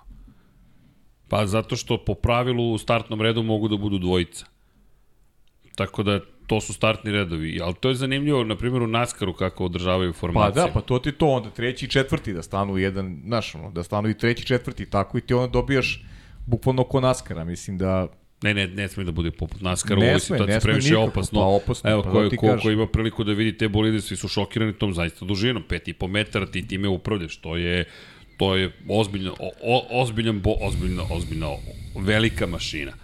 Ali i dalje, ne znam, moje mišljenje je, hvala Deki za ovo, super pogled, super objašnjenje, ali... No, samo sam se utešio, sve okej. Da, pa da, da, ali meni iskreno, ok, ako pričamo o bezbednosti, mogu da razumem, ok, mogu da razumem, zaista moći boli sve to ok, ali s druge strane, trkanje je samo po sebi opasno, je, pa je opasno, ne znam, meni je, moram priznati, kao da imamo još jedno pravilo za koje, Pa pravilo koje smanjuje tenziju. pa da, neutrališe Da, stvari, to, a to, ovo da. je trkanje. Da, da, da. Znaš, i ti si dobio neki neutralizator neke situacije. Ok, nema više toga, nećemo da razmišljamo o tome. I, i eto, eto, konkretno kod Maxa ubijaš jedan njegov kvalitet, jednu je. sposobnost da... Što si ga kaznio? Da, da, da. da. Ti si njega de Bukvalno facto je on kažnjen. kažnjen. Da, on je kažnjen. Zato kažem, de facto od Max Verstappen pravilo. Meni ne dopada mi se, ali okay, to je sada novo pravilo. Bukvalno su nacrtali kako to mora da izgleda i to je to. Tako da Max, da, ostao je bez Da, uskraćen jedne, jedne svoje prednosti. Da, i ni- ajde, to je ono što smo pričali, ne smeš da štrčiš otprilike, jer to se stalno ponavlja. Ne, nije, nije ti posao da štrčiš, tvoje je da se uklopiš i da staneš u, le, lepo u stroj i to je to. Tako da iskreno mi se ne dopada. Nema ničeg buntovničeg u tome. Formula 1 bi trebalo da ima makar neku vrstu buntovništva. Znam da je korporati, korporatizovana i sve to, ok, ali dajte nam negde neki, neki bunt, nešto drugačije neki iskorak kada kažeš, aha, ok, bio pametan dečko i nešto je uradio drugačije, izvršio pritisak. Pa, jel vodiš? Slaže se s tom, pa, ali po, po, po samom svom po prirodi stvari vozilo bezbednosti da, poništavati prednost. Ali ako je već poništeno, poništeno, gotovo, ajde te vidimo sad kako braniš tu prvu poziciju. Još jedan test za vozača. Pa braniš i, Ne razumem i- pitanje i, imamo. i, i ovako je braniš, znaš. Pa da, ne znam. Mislim, znaš, opet je ta prednost smanjena, ali kažem ti, za, za nas koji gledamo je ovo novo pravilo bez veze. A opet kad gledaš iz pozicije vozača, verujem da svako ko vodi, lakše mu je, pa i Max kad Da zavisi, bude, i Max kad bude vodio, vozača. i njemu će biti bolje što Zavisi, nema pored da. sebe neko ko bi mogu da Dobro, ga lakše generalno, ubrzi, redko ko ima tu sposobnost da, da to može tako da isprati. Pa ali okej, dobro, da. okej. Slažem se. Ali dobro, uvedeno pravilo pa uvedeno pravilo. Ipak smo se setili još nekih stvari, vidite? Pa dobro, znaš, kako ide ponoć, tako se ovaj bolje Da, na eto, mozak radi. izguro si tamo dovoljno. Da, Vidimo se sutra. e da ima sam, ali moram još jednu stvar da spomenem. Ajde, Kada molim smo već kod vozila bezbednosti, izvinjam. Pa mozak ispaljuje, šta ćete, sad se pale sinapse, počinje, približamo se ponoći. A to je da će biti urađena još jedna revizija zapravo procedure za, za vozilo bezbednosti posle onog izbegnutog incidenta kada je Mick Schumacher krenuo da dodaje gas, pa su se izbegli, jer to je bilo zapravo najopasnija situacija koju smo imali u tom periodu. I to je baš bilo potencijalno opasno, tako da eto, i to će se, to će se takođe događati. Eto. Ok. To se događalo A, ne, uradit će više kraj reviziju. puta. Tako pa je. dobro. Ali opet to, to što kažeš vodi malo do te sintetike, ali dobro. Bukvalno vodi do, do, do, Da. do sintetike, ali dobro. Ne znam, od, od svih tih stvari Alonso mi je bio najmanje sintetičan, da te, da te, da te polucitiram. Mislim da je jedan od utisaka stvarno i on je njegov moment kako neće da pusti Da. volan. Otkazala hidraulika, ona ne Pa da. za malo da propusti trku, ovaj, koliko su Dobio- stradali palčevi. Iskreno to, to što, što on ovaj, pokazuje, ja sam očekivao od Fetela, ali nekako... Od njih dvojice sam očekivao da, da, da budu ti buntovnici, što Srđan kaže. Znaš, mora neka rock'n'rolla da. da padne, Da. neki pankeraj, Pazi, nešto da se ovo- dešava tog tipa. Jedno što je super, vidiš Alonso generalno, ajde, osim ovoga ovog zahteva za ovaj DRS, nekako ne iskače izjavama, nego baš trudi na stazi da iskoči. Da se o tome priča, da sedne i da vozi, ne, Znaš kako, nema ja, ga ja ne u, u toj odustajem i dalje nekoj, od da, Vetela. da. Sve što smo rekli stoji za... Dobro, bilo bi ovu dobro Aston Martin da ne odustajem. odustane. Da, ne Mislim, sa, odustajem sa malo boljim bolidom možda će se on probuditi, ali ovako ovako ne ide. Ne, ovako zaista ne ide. Inače, dobru šalu su dali kolege iz, iz autosporta, to je motorsporta, pošto voli Sebastian Vettel da imenuje bolide upo, i davo je imena po Bond devojkama i rekli su sledeći, onda ovaj bolid bi trebao se zove Jinx. Ili ti Baxus, tako da. pa je dobra je šala, britanski Da. humor. Morao sam to da ih, da ih citiram, tako da ne, nije, im, nije im loša, nije im loša fora, što biste rekli vi mladi. Dobro, ima neko neko pitanje? Pajo? Pa čekaj, ajde, imam, imam ovaj moji drugari kamionđi, ovaj, E, imamo, e, trola smo Jo- dobili. Jos, Josip Kočić. Je li to trol, Vanja? Upo trol. Ju, nisam video trola, izvinite, odvikao sam se od kontrole trola. Evo dva pitanja ima, ima Josip, evo zamolio me da kaže da li će Miku škoditi ako Kevin nastavi da ga pobeđuje i ako može pitanje za srđenje koliko je kilograma boja na celom bolidu. Koliko, aha, okej, hoćemo prvo ovo? Pa ajde, jedno, može, mo- može, hoćemo, kao što ajde, možemo prvo Može, to, ajde. ajde. ajmo. Koliko kilograma boja na Pa, celom bolidu? znate kako, e, za, par kilograma, nije to tako mnogo. Na primjer, McLaren kažu da je uštedio negde od 300 do 400 grama, ta kada su skinuli boju sa, sa bočnih e, strana. Tako da, pošto se trenutno juri svaki gram, veruje se da je McLaren uštedio 400 grama. Ukupne boje bi negde trebalo bude do 3 kg ove glavne boje. Tako da, kada kažemo skinuli su boju, to sam samo pokazuje koliko su očajni svi da, da, da, da, da, da uspešno skinu boju. Proverit ću još jednom informaciju, to je informacija od pre par godina, to je poslednje što mi je ostalo u glavi, ali znam pouzdano za ovo što su sada pričali da je navodno, to je neproverena informacija, ne, niko iz McLarena neće potvrditi, ali navodno su uštedili između 300 i 400 grama time što su sklonili naranđastu boju sa stranica šta da vam kažem, bukvalno svaki gram se štedi u ovom trenutku. Inače, dosta diskusije oko, oko težine bolida, prosto težina bolida, to smo prospomenuli prošli put, ja mislim, raste po prirodi stvari svaki put kada unapredite bezbednost. Jednostavno, teško je, najbrži, najefikasniji način da povećate bezbednost je jel te, da povećate količinu materijala kojom obezbeđujete vozače, a to je masa. Masa, energija, to je jednakost, jel te? E sad, dok ne dođemo neki novi materijal koji može da zaštiti zapravo vozače, a da bude manje mase. Ovo sada se je dosta bilo jednostavno. Treba da izdrži veću silu, to je to. Tako da eto, to je, Šta mislite o Mik i da. Kevin? Ja, ja mislim da to nije usko vezano jedno sa drugim. Kad je u pitanju Mik Schumacher, jer kapiram da on pre svega zavisi od, od neke dobre volje Ferrarija kao prvo, a kao drugo da li će se možda neka druga vrata otvoriti za njega. Tako da nije ta neka borba unutar tima nešto posebno dramatična i, i, i, i, i važna za, iz njegove perspektive. Pa, da, ja, ne, ja da. znaš kako, ja, ko, ajmo ovako, šta je uopšte plan za Mika Šumahira? Pa mi to ne znamo još šta je plan. Mislim, gde, gde vidimo budućnost Mika Šumahira? Ja ga ne, ja ne vidim u Ferrariju. To, to sam rekao i prošle godine. Mislim da se ta vrata neće otvoriti otvoriti za Mika u skorije vreme. Pa dobro, to sve zavisi od njegovih izdanja. Mislim, generalno, evo, ajde, ova trka e, možda nije ni za Magnusena bila dobra, ali naš početak sezone gde tebi kolega koji je uskočio nenadano u čitavu priču, bude mnogo bolje, ne ide, ne ide u prilog Miku i njegovom talentu ili ne znam šta već. Znači mora, mora mnogo toga da uradi da bi, da bi bio u tom fokusu da sad neko, neka javnost krene da, da priča o tome kako ga vide u Ferrariju ili ne znam šta. Ali stvarno mora mnogo, mnogo da odskoči da bi, da bi takva priča ovaj, krenula da, da postoji. Evo ja sam umeđu vremenu proverio još jednom, dakle, za boje. Dakle, nije 3 do 4 kg, navodno je Beat Zender u razgovoru za Automotorsport rekao da je oko 6 kg kada ofarbate ceo bolid. Tako da, eto, kažem, 350 grama priča da se uštedilo, ali meni to mnogo, ne, ne znam, ali to je nešto što je GP blog preneo, navodno Automotorun Sport je rekao 6 kg. Meni to mnogo, iskreno, mm, kažem. Poslednje što se sećam jeste da je bilo zaista oko 3-4 kg, ali evo, u najgorem slučaju je toliko, mada ja zaista prilično čvrsto stojim iza toga da je bilo negde od 3 do 4 kg i svi pričaju o tih 350 grama uštede. Inače od svih bolida samo Alfa Romeo je zapravo ta koja nema problem s težinom. Što i negde može se vidjeti po performansama, ono što će je veliko pitanje kada, na primjer, Mercedes izgubi 10 kg, kada Red Bull izgubi 5 kg, kada ostali izgubi svoju gramažu, kako će se ponašati svi ti bolidi. Mada kod Mercedesa zanimljivo njihovo rešenje za rešavanje poskakivanje, povećanje mase, to jest oni su čak povećali masu bolida, samo što su pomerili centar gravitacije, to je teže tog, tog vozila i spustili su ga još niže, ali trenutno ne mogu da se oslobode mase na drugim delovima da bi tu masu preselili kao balast na, na poziciju kojim odgovara da, da smanje poskakivanje, tako da su još više otežali bolid. To, prosto toliko im je važno da ponište efekt poskakivanja. Eto. Jedno pitanje za tebe, Boris Trutin. Ne znam da li znaš čovjeka. Gospodin penzioner. Da, da li će u podcastu 100 biti intonirana Ferrarijeva himna?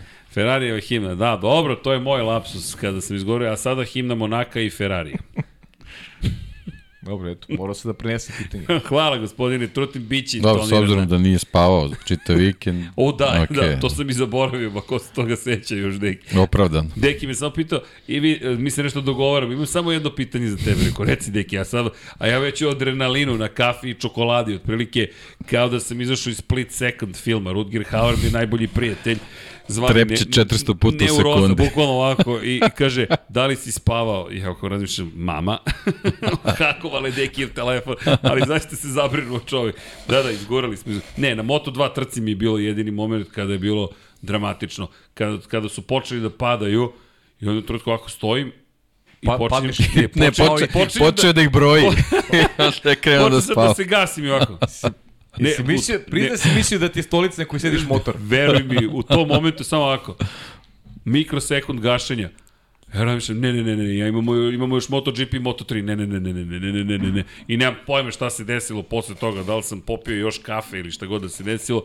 Znači sam rekao, ne, ne, ne, ne, ajmo, buđenje, buđenje, buđenje i probudio sam se i tako. Kaže Mihajlo Konatarić da je crvena zastava propastila Sajenci, ne znam jeste li prokomentarisali, jesmo na početku, yes. ali to su ali ti... ajmo, ali ajmo ovako. Jeste, i bio je, inače on je imao problem u drugom izlasku u kvalifikacijama, to nije bio tehničke prirode na bolidu, ali imali su problem sa zapravo procedurom paljenja i nije radio aha, starter, da ne kažem unlasser, nisu mogli, mada meni to malo bizarno, s obzirom činjenicu da ovi hibridni modeli se pale praktično nemate kao ranije kompresor veliki koji gurnete direktno u, u, u, u jel te, kolenasto vratilo pa pokrenete, već on na elektromotor zapravo pokreće. Međutim, nešto se desilo izgleda sa procedurom. Možda jeste onda kvar na bolidu, moram to da proverim. Nisu mogli da pokrenu motor. Tek kada su ga pokrenuli, izgubio je 3 minuta u pripremi tog kruga. Ferrari ima problem sa prvim brzim krugom. Drugi brzi krug mu je neophodan, potrošene gume. Tako da je Sainz tu imao probleme sve se skupilo nekako, ali opet se vraćamo na tu situaciju u trci koju on sam rekao, jednostavno napravi ljudska greška, gde je požurio u toj, u toj poteri da odmah nadoknadi pozicije i opet veći ulog, samo da zaključimo, više te ljudi gleda, sad je, a tvoj kolega u tom momentu vodi.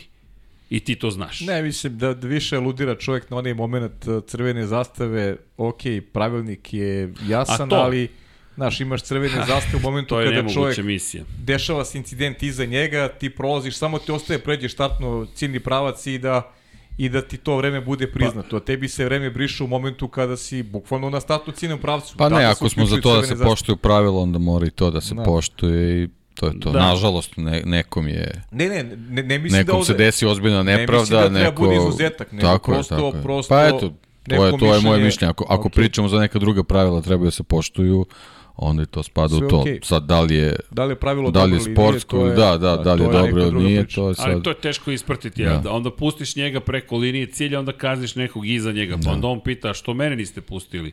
E, to je teško Ne, znaš je kako, ja samo sprovesti mislim da, da, da, da ta pra- pravila, svako pravilo da može da se fleksibilnije tumači, naš. A možda E, mogu uz- uz- reviziju sistema da urade. Tako je, da, da recimo, znaš, kad se vozač nalazi baš na startnu ciljnom pravcu, gde nikog e, ne ugrožava to što se incident dogodio iza njega, da može krug da završi i da, znaš, e, prosto tajming Znaš neki... kako, ja verujem da se u toj nalaze, situaciji znaš. gleda samo situacija gde je bolid koji je izletao. Ja mislim da- Niko nije gledao pozicije gde je ko. Ne, ne, jednostavno. okej. Ali vidi, meni ovo deluje kao moramo da uštedimo vreme za nastavak kvalifikacija. Oni su mogli da istaknu i dvostruke žute zastave za početak, ne kažem da bi mogli da izvuku Alonsa, suviše je opasno potencijalno, ali možda ističeš dvostruke žute, ali onda opet se postoje pitanje, prošao je Carlos, u jednom momentu ti moraš crveni, ti nemaš drugo rešenje. Virtualno vozilo Pa bezbednosti mu poništava bio je brzinu. udarac Da, da. ozbiljan, jednostavno da je Alonso možda izleteo nešto, možda bi bile samo žute zastave, ali u trenutku. Da, da, još se vidi da je on ozbiljan udarac bio, ruke, da, da, da, jer on da, i da. radi sa ruk, Zato rukama je, ovako. zato je istaknuto to. Da, tako da tu nije, to je prosto... A je sad, je zašto se on za, za, zatekao tu upravo to, eto, jednostavno, Baš ti od sreće. početka sezone ga nekako neće Ono što i si to je rekao. to. Da. Inače, Belmin čovjek je donirao 5 eura. Hvala Belmine. Hvala. Hvala, hvala. Hvala vam. I sad možda je to dama, ne znam, ali deluje mi Belmin da nije dama, izvinjavam se ukoliko grešim. Hvala vam na zabavi svake sedmice, daleko najbolji F1 MotoGP komentatori i podcasteri. To, sad smo podcasteri. Youtuberi takođe, molim vas. I veliki pozdrav iz Belgije, veliki pozdrav za celu ekipu iz. Belgije. Hvala vam puno i za podršku i što nas pratite. Stvarno, čast i zadovoljstvo. Da li sam nekog propustio? Imamo još trolova, Vanja, nema, jesmo to ukinuli. To... Eto, Ivan Vojsinović kaže, u Indikaru se crvene zastave pale od starta do mesta udesa kada se kvalifikacije, dok su svi koji su posle sudara mogu da završe krug. Eto, Ja mislim da je to... Crvene zastave. da. Crvene. Moram da proverim, kaže Ivan Vojsinović, ali eto, to je zanimljivo. Pavle će uskoro da postane tiktoker. Radimo na Koji, tome. koji Pavle?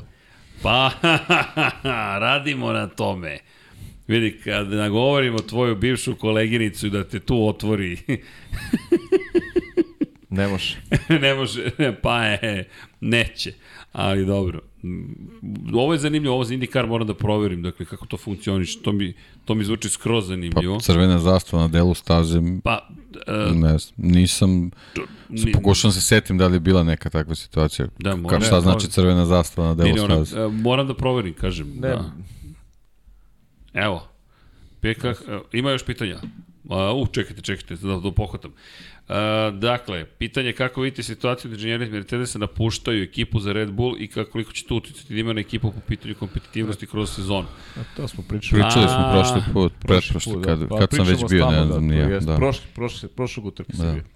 Da, dakle, to je, ljudi, i vide se negde posledice Andy Cowell što otišao, James Ellison promenio poziciju. Sad, koga će da nađe Mercedes još ili da li će sada da krene da kupuje od drugih ili nešto drugo da radi, o, to je Toto Wolff rekao samo kratko, kada neko ponudi dvostruku platu, možda i možete nešto, kada popu, po, po, ponudi trostruku, vrlo, vrlo, vrlo teško. Branislav Dević, gde je Rossi knjiga Srđane, veliki slojima knjiga i Srđane? Nisi još odgovorio, pa svaki put odgovorim. Kada, je bude, kada budem u štampari, reći ću vam, e, od ovog momenta je počinje da stiže za dve i po nedelje, tako da znate. Ali to kad ja odem u štampariju, pa se lično uverim da je zaista tamo tako, jer sa, sa Rosijom knjigom se sve desilo što je moglo da se desi, mada možda još nešto može da se desi na ne globalnom nivou. Kad završim, kad budem u štampariji, poslaću. Branislave lično vam šaljem Možda se desi, možda se Rossi vrati ovaj u Ne, ne, ne, vidi, ne, da ne, ne, trenutno čak branim se ćutanjem u kontekstu toga da znamo šta smo sve uradili da bi sve prošlo kako treba. E, mi smo naučili našu lekciju i to mi isto sezona učenja. Kao Ferrari prošle godine. Aha, okej. Dobro, ovo nije, aha, ovo, ovo smo promenili, ovo smo promenili, tako da. Ali lanac snabdevanja smo naučili te kako šta je. i koliko je problematičan. Kada koleginici iz prodaje nešto čudno me posmatra, ali polako koleginice, malo više vere očekujemo od vas, 63. ste, ne, ne, ne, mnogo više vere očekujemo od vas, u pravu ste, 63. ste u fantaziju, do sada sve smo ispunili, tako da ispunit ćemo i to, nemojte da brinete. Muhamed Hajdari kaže, da li je Aston Martin najteži bolid u gridu? Kaže, meni izgleda kao da ima i više kod 20-30 kg plus. A Red Bull će imati 8 kg manje u Imoli. Pa dobro, to su procesi, da. Da. Sad ne znam da li je Aston Martin najteži, ali zaista tako delo. Delo je, da. Mhm, ovo je zanimljivo. Da, da, zaboravili smo izjavu Michaela Masi, o Michaelu Masi Toto Wolff Ma, što dobro, je rekao. da. A to je konstatacija da je Masi bio imun na povratne informacije Svaki i da je... put kad dođe na novu stazu, neko od, od lokalnih novinara će ga to pitati. Tako je, Da. tako je. Tako da je to...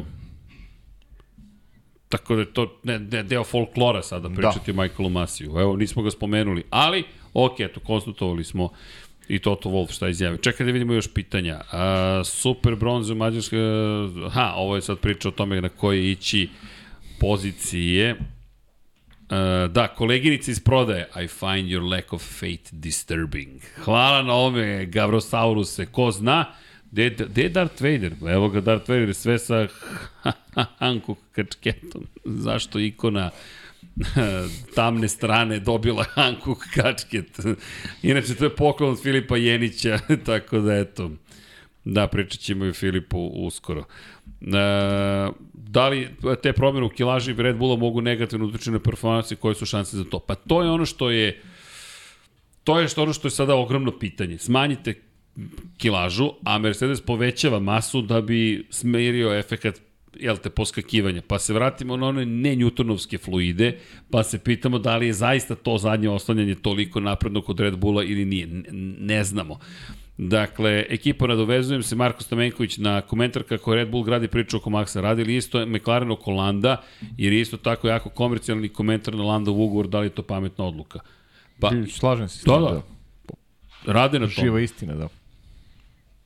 Boko, I pametna Pa ne, strategija. ne znam da li grad oko Landa, ali on je tako deluje Dečko je- sada. dečko u fokusu. I, i Spravo. dobio je ugovor produženi, kao što si rekao, Twitch ekipa i pored toga Britanac je, sve to ima svoju ulogu. Ono što je meni zanimljivo, ta jeste priča o McLarenu koji je odbio Audi, a da se pojavio sada i BMW. E, to- to sam zaboravio da kažem za Hondu. Zašto mislim da bi Honda mogla da kaže, ej, možda ipak hoćemo nazad u igranku. Ako ulazi Porsche, ako ulazi Audi, ako ulazi BMW, Dakle, vraćaju se svi nemački veliki proizvođači kao robne marke, pojavljuju se u Formuli 1, to govori par stvari. Koliko je Formula 1 postigla popularizacijom sporta i globalno, verujem pogotovo u Sjedinim američkim državama, za sve te brendove, sve proizvođače, ovo je poslovna priča. Pa dobro, gašenjem DTM-a generalno oni su ovaj, oslobodili neke budžete. Kriza jeste, ali automobili se prodaju i- nisu jeftini i dugo se čekaju, tako da njima njima ta marketinška aktivnost super odgovara. Očigledno da možda ta tehnologija sad i nije ovaj toliko komplikovana za njih da, da, se, da se ubace u, u čitavu priču, opet s druge strane mislim da ti ulasci će možda i dovesti od toga da, da Formula E više ne, ne egzistira na način kako je, kako je funkcionisao, Da. da. nego izgleda da će, da će ove tehnologije koje se koriste u Formuli 1 ipak da pa, vidi, prevagnu. I tehnologija hibridna koja deluje mnogo, da kažemo, ajde, realnije u primjeni, jer opet da se ne vraćamo na tu temu samo kratko, za razviti električni sistem neophodno da podrži sva moguća električna vozila koje će da promene, jest da zamene sve sva vozila sa motorima sa unutrašnjim sagorevanjem je toliko daleko i to je toliko zahtevno vrlo sam skeptičan. Samim tim dolazimo na hibrid o kojem ti pričaš i govoriš, ljudi, to je tehnologija budućnosti. Ne zato što je volim ili ne volim, već zato što to daje logično rešenje. I onda dolazimo do Formule 1 koja je promenila, re, rebrendirala se na kraju prošle godine u hibrid. Ogromnim slovima piše svugde hibrid, ali još veća stvar je koliko je popularna Formula 1 trenutno. Pa ne samo to, nego Međunarodna automobilska federacija na, na svim nivoima praktično ovaj, podržala te hibridne sisteme, uključujući VRC, Tako je, pod ove koji je godine onako hibrid. prilično blizak na neki način serijskim I ne automobilima. izgleda loše uopšte taj WRC. Nikako, Izgleda nikako. baš dobro. Nikako. Inače, uskoro će Rally Hrvatski, sledeće nedelje, nemojte Da, zaboraviti. ko će uživo, eto, ima priliku da Za nas je blizu to vidi, da. nemoguća misija, Da. nažalost. Zašto? Sledeće nedelje, velika nagrada San Marina u Imoli Formula 1, velika nagrada Portugala Portugala, da. u Algarveu i Reli Hrvatske. Ne, ne, nemoguće, možemo u četvrtak da se pojemo, mahnemo i vratimo nazad. Da, I to nije, otprilike za, sve. za nas nije dobar tajming. Da. Da, tajming je baš onako. Pa sa ovoliko trka je nemoguće uklopiti da Pa ne, ne, nemoguće je naći. sa 23 Da. trkačka vikenda i u jednom i u drugom šamp... Ne, u stvari, na koliko je Moto Grand Prix? Na koliko trka? 21. 21. Znam da je neki nepar, da. Da, da, To 21. je ne, nemoguće misli, mislim, to je, Baš je postalo teško. da. Pa vikend ranije je uskrs Ne Uskrs, Pa da, ali, ali više, ali više Tako ne da nema mogu, ne mogu da gledaju, oni su ranije čak i obraćali pažnju da se ne poklapaju vikendi, a sad je stvarno nemoguće. Ne, ne može, pa ne, uskrs je, Da, uskrs je. da. Da, Zato sad je uskrs nema, nema ništa sada E za da, uskrs. ko slavi po Gregorijanskom kalendaru, srećemo Je, uskrsu jedino, napred želimo. jedino NASCAR, oni voze oni voze Pa dobro, generalno nije, nije uskrs ovaj, nije predstavljao problem za, za te vožnje, nego jednostavno ne obraćaju više pažnju za, za, na, na, Ne, ja mislim na, da je ovde na te načine da se... Svesno je kreiran da. kalendar da, da zbog uskrsa. Ne, uskrs se uvek preskače. Sigurno u preskače. se nikad ne vozi za uskrs. Ali ja mislim da, se, mislim da se vozi sad. Sada. Mislim da se A vozi. uvek se preskakalo. Pogledaj raspore, mislim da se vozi. Da, mislim da se vozi. znam da je baš vodio računa o tome, ali da vidimo, Mislim da se NASCAR vozi. moguće pa je. ajde, mislim Malo da sam ispao iz što sam, moram da priznam. Pa nisam ja sagledao ovu za vikend, ne, ne znam šta se dešavalo zaista. Samo da vidimo sada da li ima kalendar NASCAR-a, čekaj, obično znam da su Kalendar ima, ali preskakali. samo... Ne, ne, čekaj, Pa čekaj, da li ga ima za vikend? čekaj. Ja mislim da ima. Sad ćemo da vidimo. Vozi se, kaže. Pa da, vozi se. Food City Dirt Race. A ja, idu u Bristol da voze po zemlji. Pa da. I to je dru... A, to morate da gledate, ljudi. A u Bristol po zemlji. Gledao sam Pa prošle, šta, prošle šljaka, godine. zemlja, Aj, blato, pogodi, nemam pobedi, pogodi pojma. ko je pobedio prošle godine na zemlji. A, ko je pobedio na zemlji? Nije teško, čim sam ti ja pitao, znaš ko je Joey pobedio. Logano? Joey, tipo, dobro. Inače, William Byron je pobedio drugi put ove godine. Sad, Da, eto, nisam, nisam pratio. ja sam sad pogledao na krišu. Pa dobro. ali, pa da. Ali da, ali sam mislio da će preskočiti uskoro. Inače, off topic, Bayern ispod Villarreala. Ok. A Muhamed Hajdari, kada će Kosmos nije dugo bio, uh, biće, Muhamede, evo, polako se i mi sklapamo. I danas sam bio na radio u Beogradu. Zvali me zbog Kosmosa 76. Kažu, dođite da, da pričate o danu. Danas je bio međunarodni dan kosmonautike, pošto je Gagarin, jel to da te u svemir, pre 61 godinu pa smo malo pričali. Bilo zabavno. Kaže, možete da pričate 7 minuta. Rekao, ne, ne razumem. Ne Kakva razumem. greška, kakva greška. Jesi rekao, šta ste rekli, 77 ili 7? Verovatno još sede u studiju, ne znaju šta ih je snašlo. A ne, ne, Kakav kiks. To ne radi, oni samo montiraju. Kakav oni danak sedam minuta. čoveče. I dalje montiraju 7 minuta. Jer treba da preslušaju ovih 177. ne, ali mrtvi ozbiljni, možete, pa rekao... Ne, se, rekao, da potrujit ću Veće se. pitanje da li mogu tokom dana da ćutim 7 Da. minuta, ali okej. I onda žena kaže, e, čekaj, zanimljiva tema, idemo na 11 minuta. Ja kažem, okej. Hoćeš moći? Rekao, no, ima, imam, imam, spremio sam se. I, I onda mi kaže čisto da, za, svaki slučaj, pošto ima ukupno 17 minuta ostalo do kraja emisije, kaže ne brini, ubacili smo i muzički uh, spot od 4 minuta, imamo muzičku numeru, tako da će biti 13 minuta, ali imamo iseći ćemo to lepo numerom da može sve da se uklopi. Rekao, Ne znam ko je koleginica, molim te, Aleksandra. pozovi u jedan podcast da dođe. Aleksandra, Aleksandra, pozdrav, pozdrav za Aleksandra. vidi Pozdrav za Aleksandra Aleksandra. Mladenović i, i divna je i negde posle 17. minuta, pošto nisam učutao, jel te, je rekao, izvini, mi nemamo više vremena, moramo da gasimo emisiju. Ja. Rekao, kaže, pa nekako brzo prošlo, ti imaš Znači, puno A- pričaš. Aleksandra se ponaša ko je Vanja isto. Nada se. U, u trećem satu. U stvari na ulazku u četvrtu. Ne, manji se zamagle naočare i u fazonu ljudi, aman, treba da se ide kući ovog datuma. Ali Vanja, 61 godina od kada je poleteo Juri Gagarin, da. Ima tu i anegdota kako se spustio u polje. Hoće da mi ispričaš šta si ispričao tih 17 Jel minuta želiš i da nam... stvarno pa je. Pričali smo i, i, i ali, ali, ali Aleksandra je pogledala je kosmos i kaže, "Vi- baš ste puno stvari ispričali. Rekao, pa da, to mi tako, umemo, umemo mi da se zanesemo. Tako da, Muhammed, bit će kosmos uskoro. Ali imate James Webb majice, tako da eto, to je To jest nisu zvanično James Webb, zovu se svemirski teleskop, jer, jer, jer tako mora da bude. Ali eto, shop.infinity lighthouse, ja mislim da su mnogo lepe te majice, tako da eto, bacite pogled.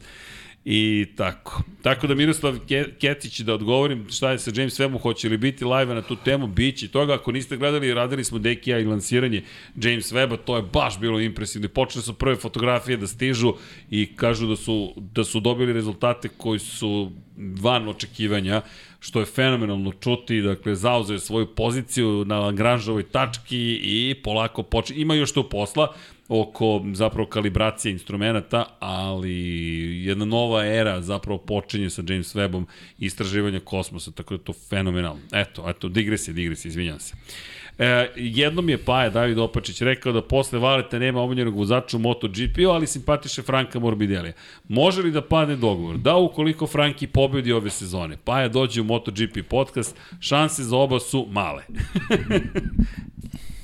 Eto, ako se Eto. to dogodi. Ako se to dogodi, bar nam svrati, pa evo. Miran si, pa je, sve red. Dođe na poslednjih 17 minuta. Važi, vidimo se. I tako, da. U jednom momentu. da, eto, e, dakle, e, da li sam propustio, sigurno sam nešto propustio. Da li je realnije pobjeda McLarena ili podijum Aston Martina? Pobjeda McLaren. pobjeda McLaren. Uf, surovo. Mada si ti već najavio. Ja sam rekao Vettel, da, ove godine podijum. E da, počinje Aleksandar Milosavljević, počinje karting vikend u Jagodini, tako da to isto ispratite. Ima, Lep. uvijek se neko negde trka, tako je. Da, ko je najlepše, najluđe, naj, pa, najnapetije i najbolje sezonu koju ste vi komentarisali, a da ne bude prošla? Po 2012. 12. 12, 100%. To je baš bila napeta sezona i sedam pobednika i Alonso koji ima ogromnu prednost. Inače, zanimljivo, to je jedna od šest sezona u kojoj je nadoknađenja prednost u koju trenutno Charles Leclerc ima, ako uzmete da, i poene primerite prema sadašnjem da, sistemu bodovanja. Da, bilo je jedan preko 50, čini mi se, poena prednosti. Tako je, preko 50 poena prednosti. Da. I, I prosto, ali incident u Belgiji, setimo se toga, dakle, Roman Grožan, da, da, Alonsa. Jeste, bilo je super sezona. Kontakt sa Kimijem i stoji Alonsom u Suzuki, ako se dobro sećam, Vettel koji je ušao ne, niz, pa onda kiša u Brazilu, poslednja trka sezone, svega je to bilo. To je baš bilo, baš je bilo napito. Na koga tipujete za Mega Drivera u Imoli? Ja ne, ja ne smijem da vam kažem, ja... Koleginica iz prodaje kaže Max. Da, Eto, i slušajte koleginice koleginice iz prodaje. Nas nemojte slušati. Nas ni pošto zato da. gledamo nju. Pa i, da i, ja, ja sam u nekoj komunikaciji ovaj, isto tipu na Maxa da će pobediti Imoli. Dobro, zanimljivo. Tako da, se, tako da se slažem sa koleginicom iz prodaje. Dobro. E da je zanimljivo pitanje Miloš Ristić, da li postoji mogućnost da se Toyota vrati u Formulu 1, s obzirom da oni imaju jako dobro razvijene hibride? Bilo bi lepo. Pa postoji stvari računice. Mislim, oni da. generalno VRC-om već mogu da kažu da su zasićeni. Toyota je stvarno tamo ovaj, svašta pokazala, tako da... Nedovršeni računi. To su Japanci jednostavno. Nikad ne možeš da znaš ovaj, kad će se pojaviti. Da. Kad će se ukazati? Imaju, imaju hibridni sistem iz ovaj, trka prototipova, tako da stvar je u stvari više do te ekipe tih inženjera, ovaj, da, li, da li još jedna ekipa može da, da, da priušti da, da ima dobru ekipu ljudi koji će da razviju te bolide. Nema toga toliko na tržištu.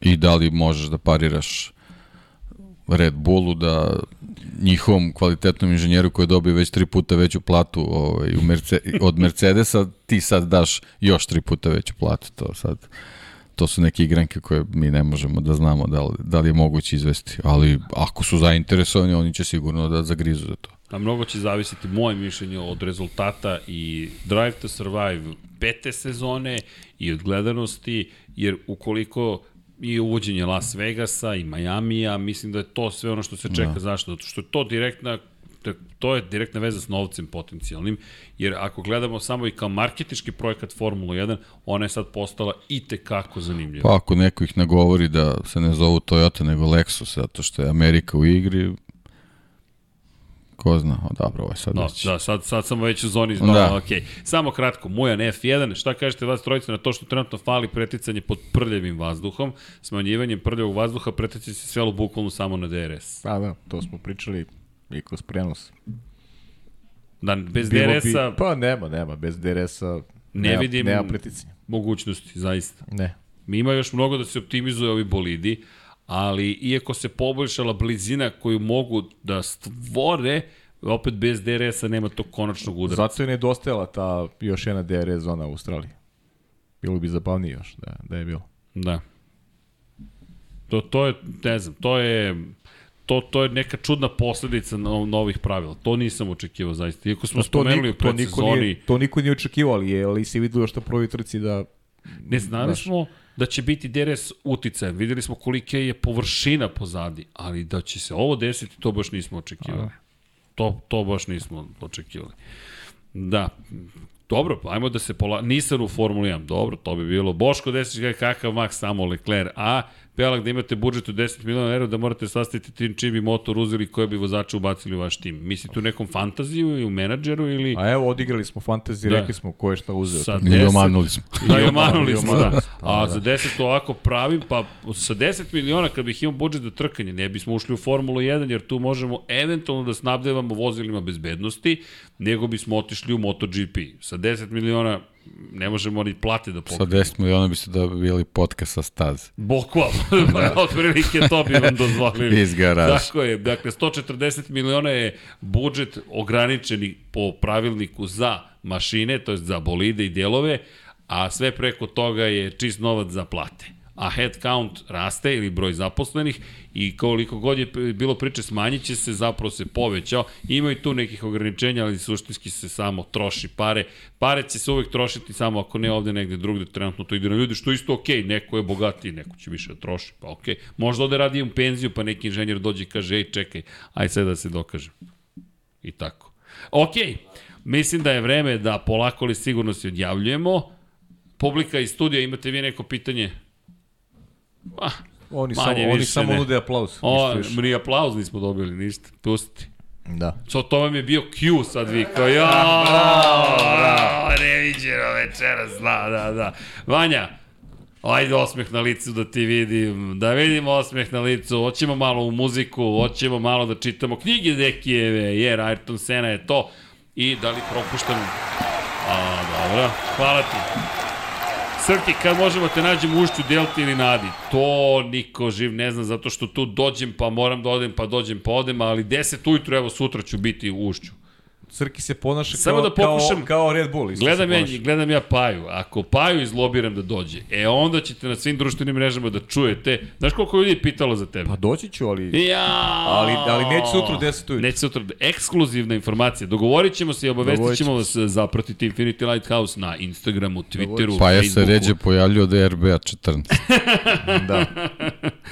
Paja, pronađite Paju u gradu. Idemo do spomenika tamo, pobednika. Gledamo u pobednik ti i ja. Idemo. Sad ponovite ovaj, ovaj serijal fotografije umesto bolida Paju. Smo Paja, išli, ja. smo išli u nedelju, ali, ali smo ovaj, došli rano. Ali smo došli rano, da, da, da. Bili smo brži od bolida. Da, dakle, Ajmo, Srki. Ajde. da krenemo polako li sigurno. Tan, tan, tan, cem, pam, pam, pam, pam, pam, pam, pam, pam, pam, pam, pam, pam. Dakle, ko voli Ayrton Senu, nadam se da je kupio knjigu, ima šta da čita. Ja znam da ja uvek imam šta da čitam u ovoj knjizi i to se zovu pokrovitelji. Upoznao sam i neke pokrovitelje. Dolazi na mladi gospodin u srednjoj školi, kaže, ja sam vaš pokrovitelj. Rekao, dođite gospodine pokrovitelji da se fotografišem. Tako da znate, Patreoni, YouTuberi, udružite se i podržite Infinity Lighthouse. Dakle, Patreoni i hvala vam na tome, ići ću od kraja.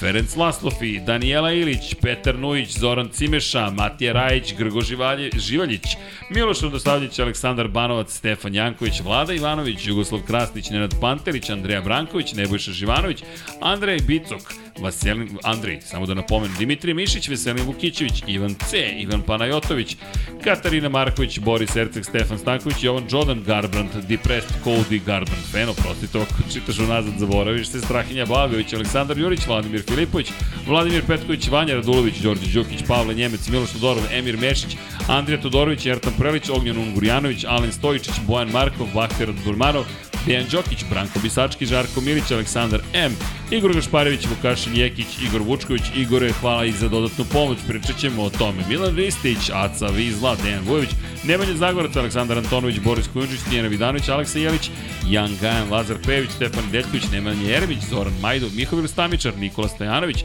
Jasenko Samarđić, Antonio Novak, Stefan Milošević, Miroslav Cvetić, Đole Bronkos, Vukašin Učenović, Nemanja Miloradović, Marina Mihajlović, Dušan Ristić, Miloš Vuletić, Ljubo Đurović, Luka Manitašević, Zorana Vidić, Đorđe Andrić, Boris Golubar, Mirina Živković, Josip Kovačić, Andrej Božo, Boris Gvozden, Nenad Simić, Petar Relić, Bojan Mijatović, Milan Nešković, Borko Božunić, Marko Ćurčić, Mlađan Antić, Stefan Vidić, Žorž, Luka Savić, Jelena Mak, Aleksandar Gošić, Obre Kovačević, Monika Erceg, Miroslav Vučinić, Nenad Đorđević, Nikola Božinović, Filip Banovački, Mihajlo Krgović, Đorđe Radović, Predrag Simić, Ivan Simunović, Zoran Šalamun, Aleksa Vučaj, Miloš Banduka, Mario Vidović, Zoltan Mezeji, Ivan Maksimović, Tori Ruščić, Dera Divić, Marko Bogovac, Marko Mostarac, Mladen Krstić, Stefan Durić, Ivan Toškov, Sava, Jelena Jeremić, Ozran Prvić. Gde je Ivan Toškov? Pobedio je Ferrari, a nije ovde.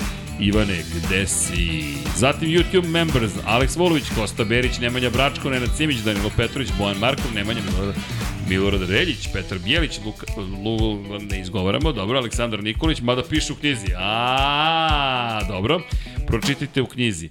Kalabi Jao, Jelena, jer pronađite da ženu ne sazna. Andrija Todorović, Oliver Nikolić, Vlada Ivanović, Marina, Ivan Božanić, Zvonimir Papić, Nemanja Miloradović, Nikola Kojić, Miloš Zed, LFC, Aleksandar Kockar, Nemanja Labić, Almedina Ahmetović, Vukašin Vučenović, Branislav Dević, Marko Bogoc, Mlađan Duk, Đukić, Stojan Sabo, Veselin Vukićević, Tatjana Lemajić, Mladen Mladenović, Resničanin, Ivan Vujsinović, Ivan Magdanović, Bojan Gitarić, Bakadu, Marko Stojiljković, Voča Pero, Igor Ilić, Vukašin Felbo, Miloš Stanimirović, Nikola Grđan, Neven bio centar i gospodin Dejan Potkonjak, Ayrton Sena, put ka savršenstvu.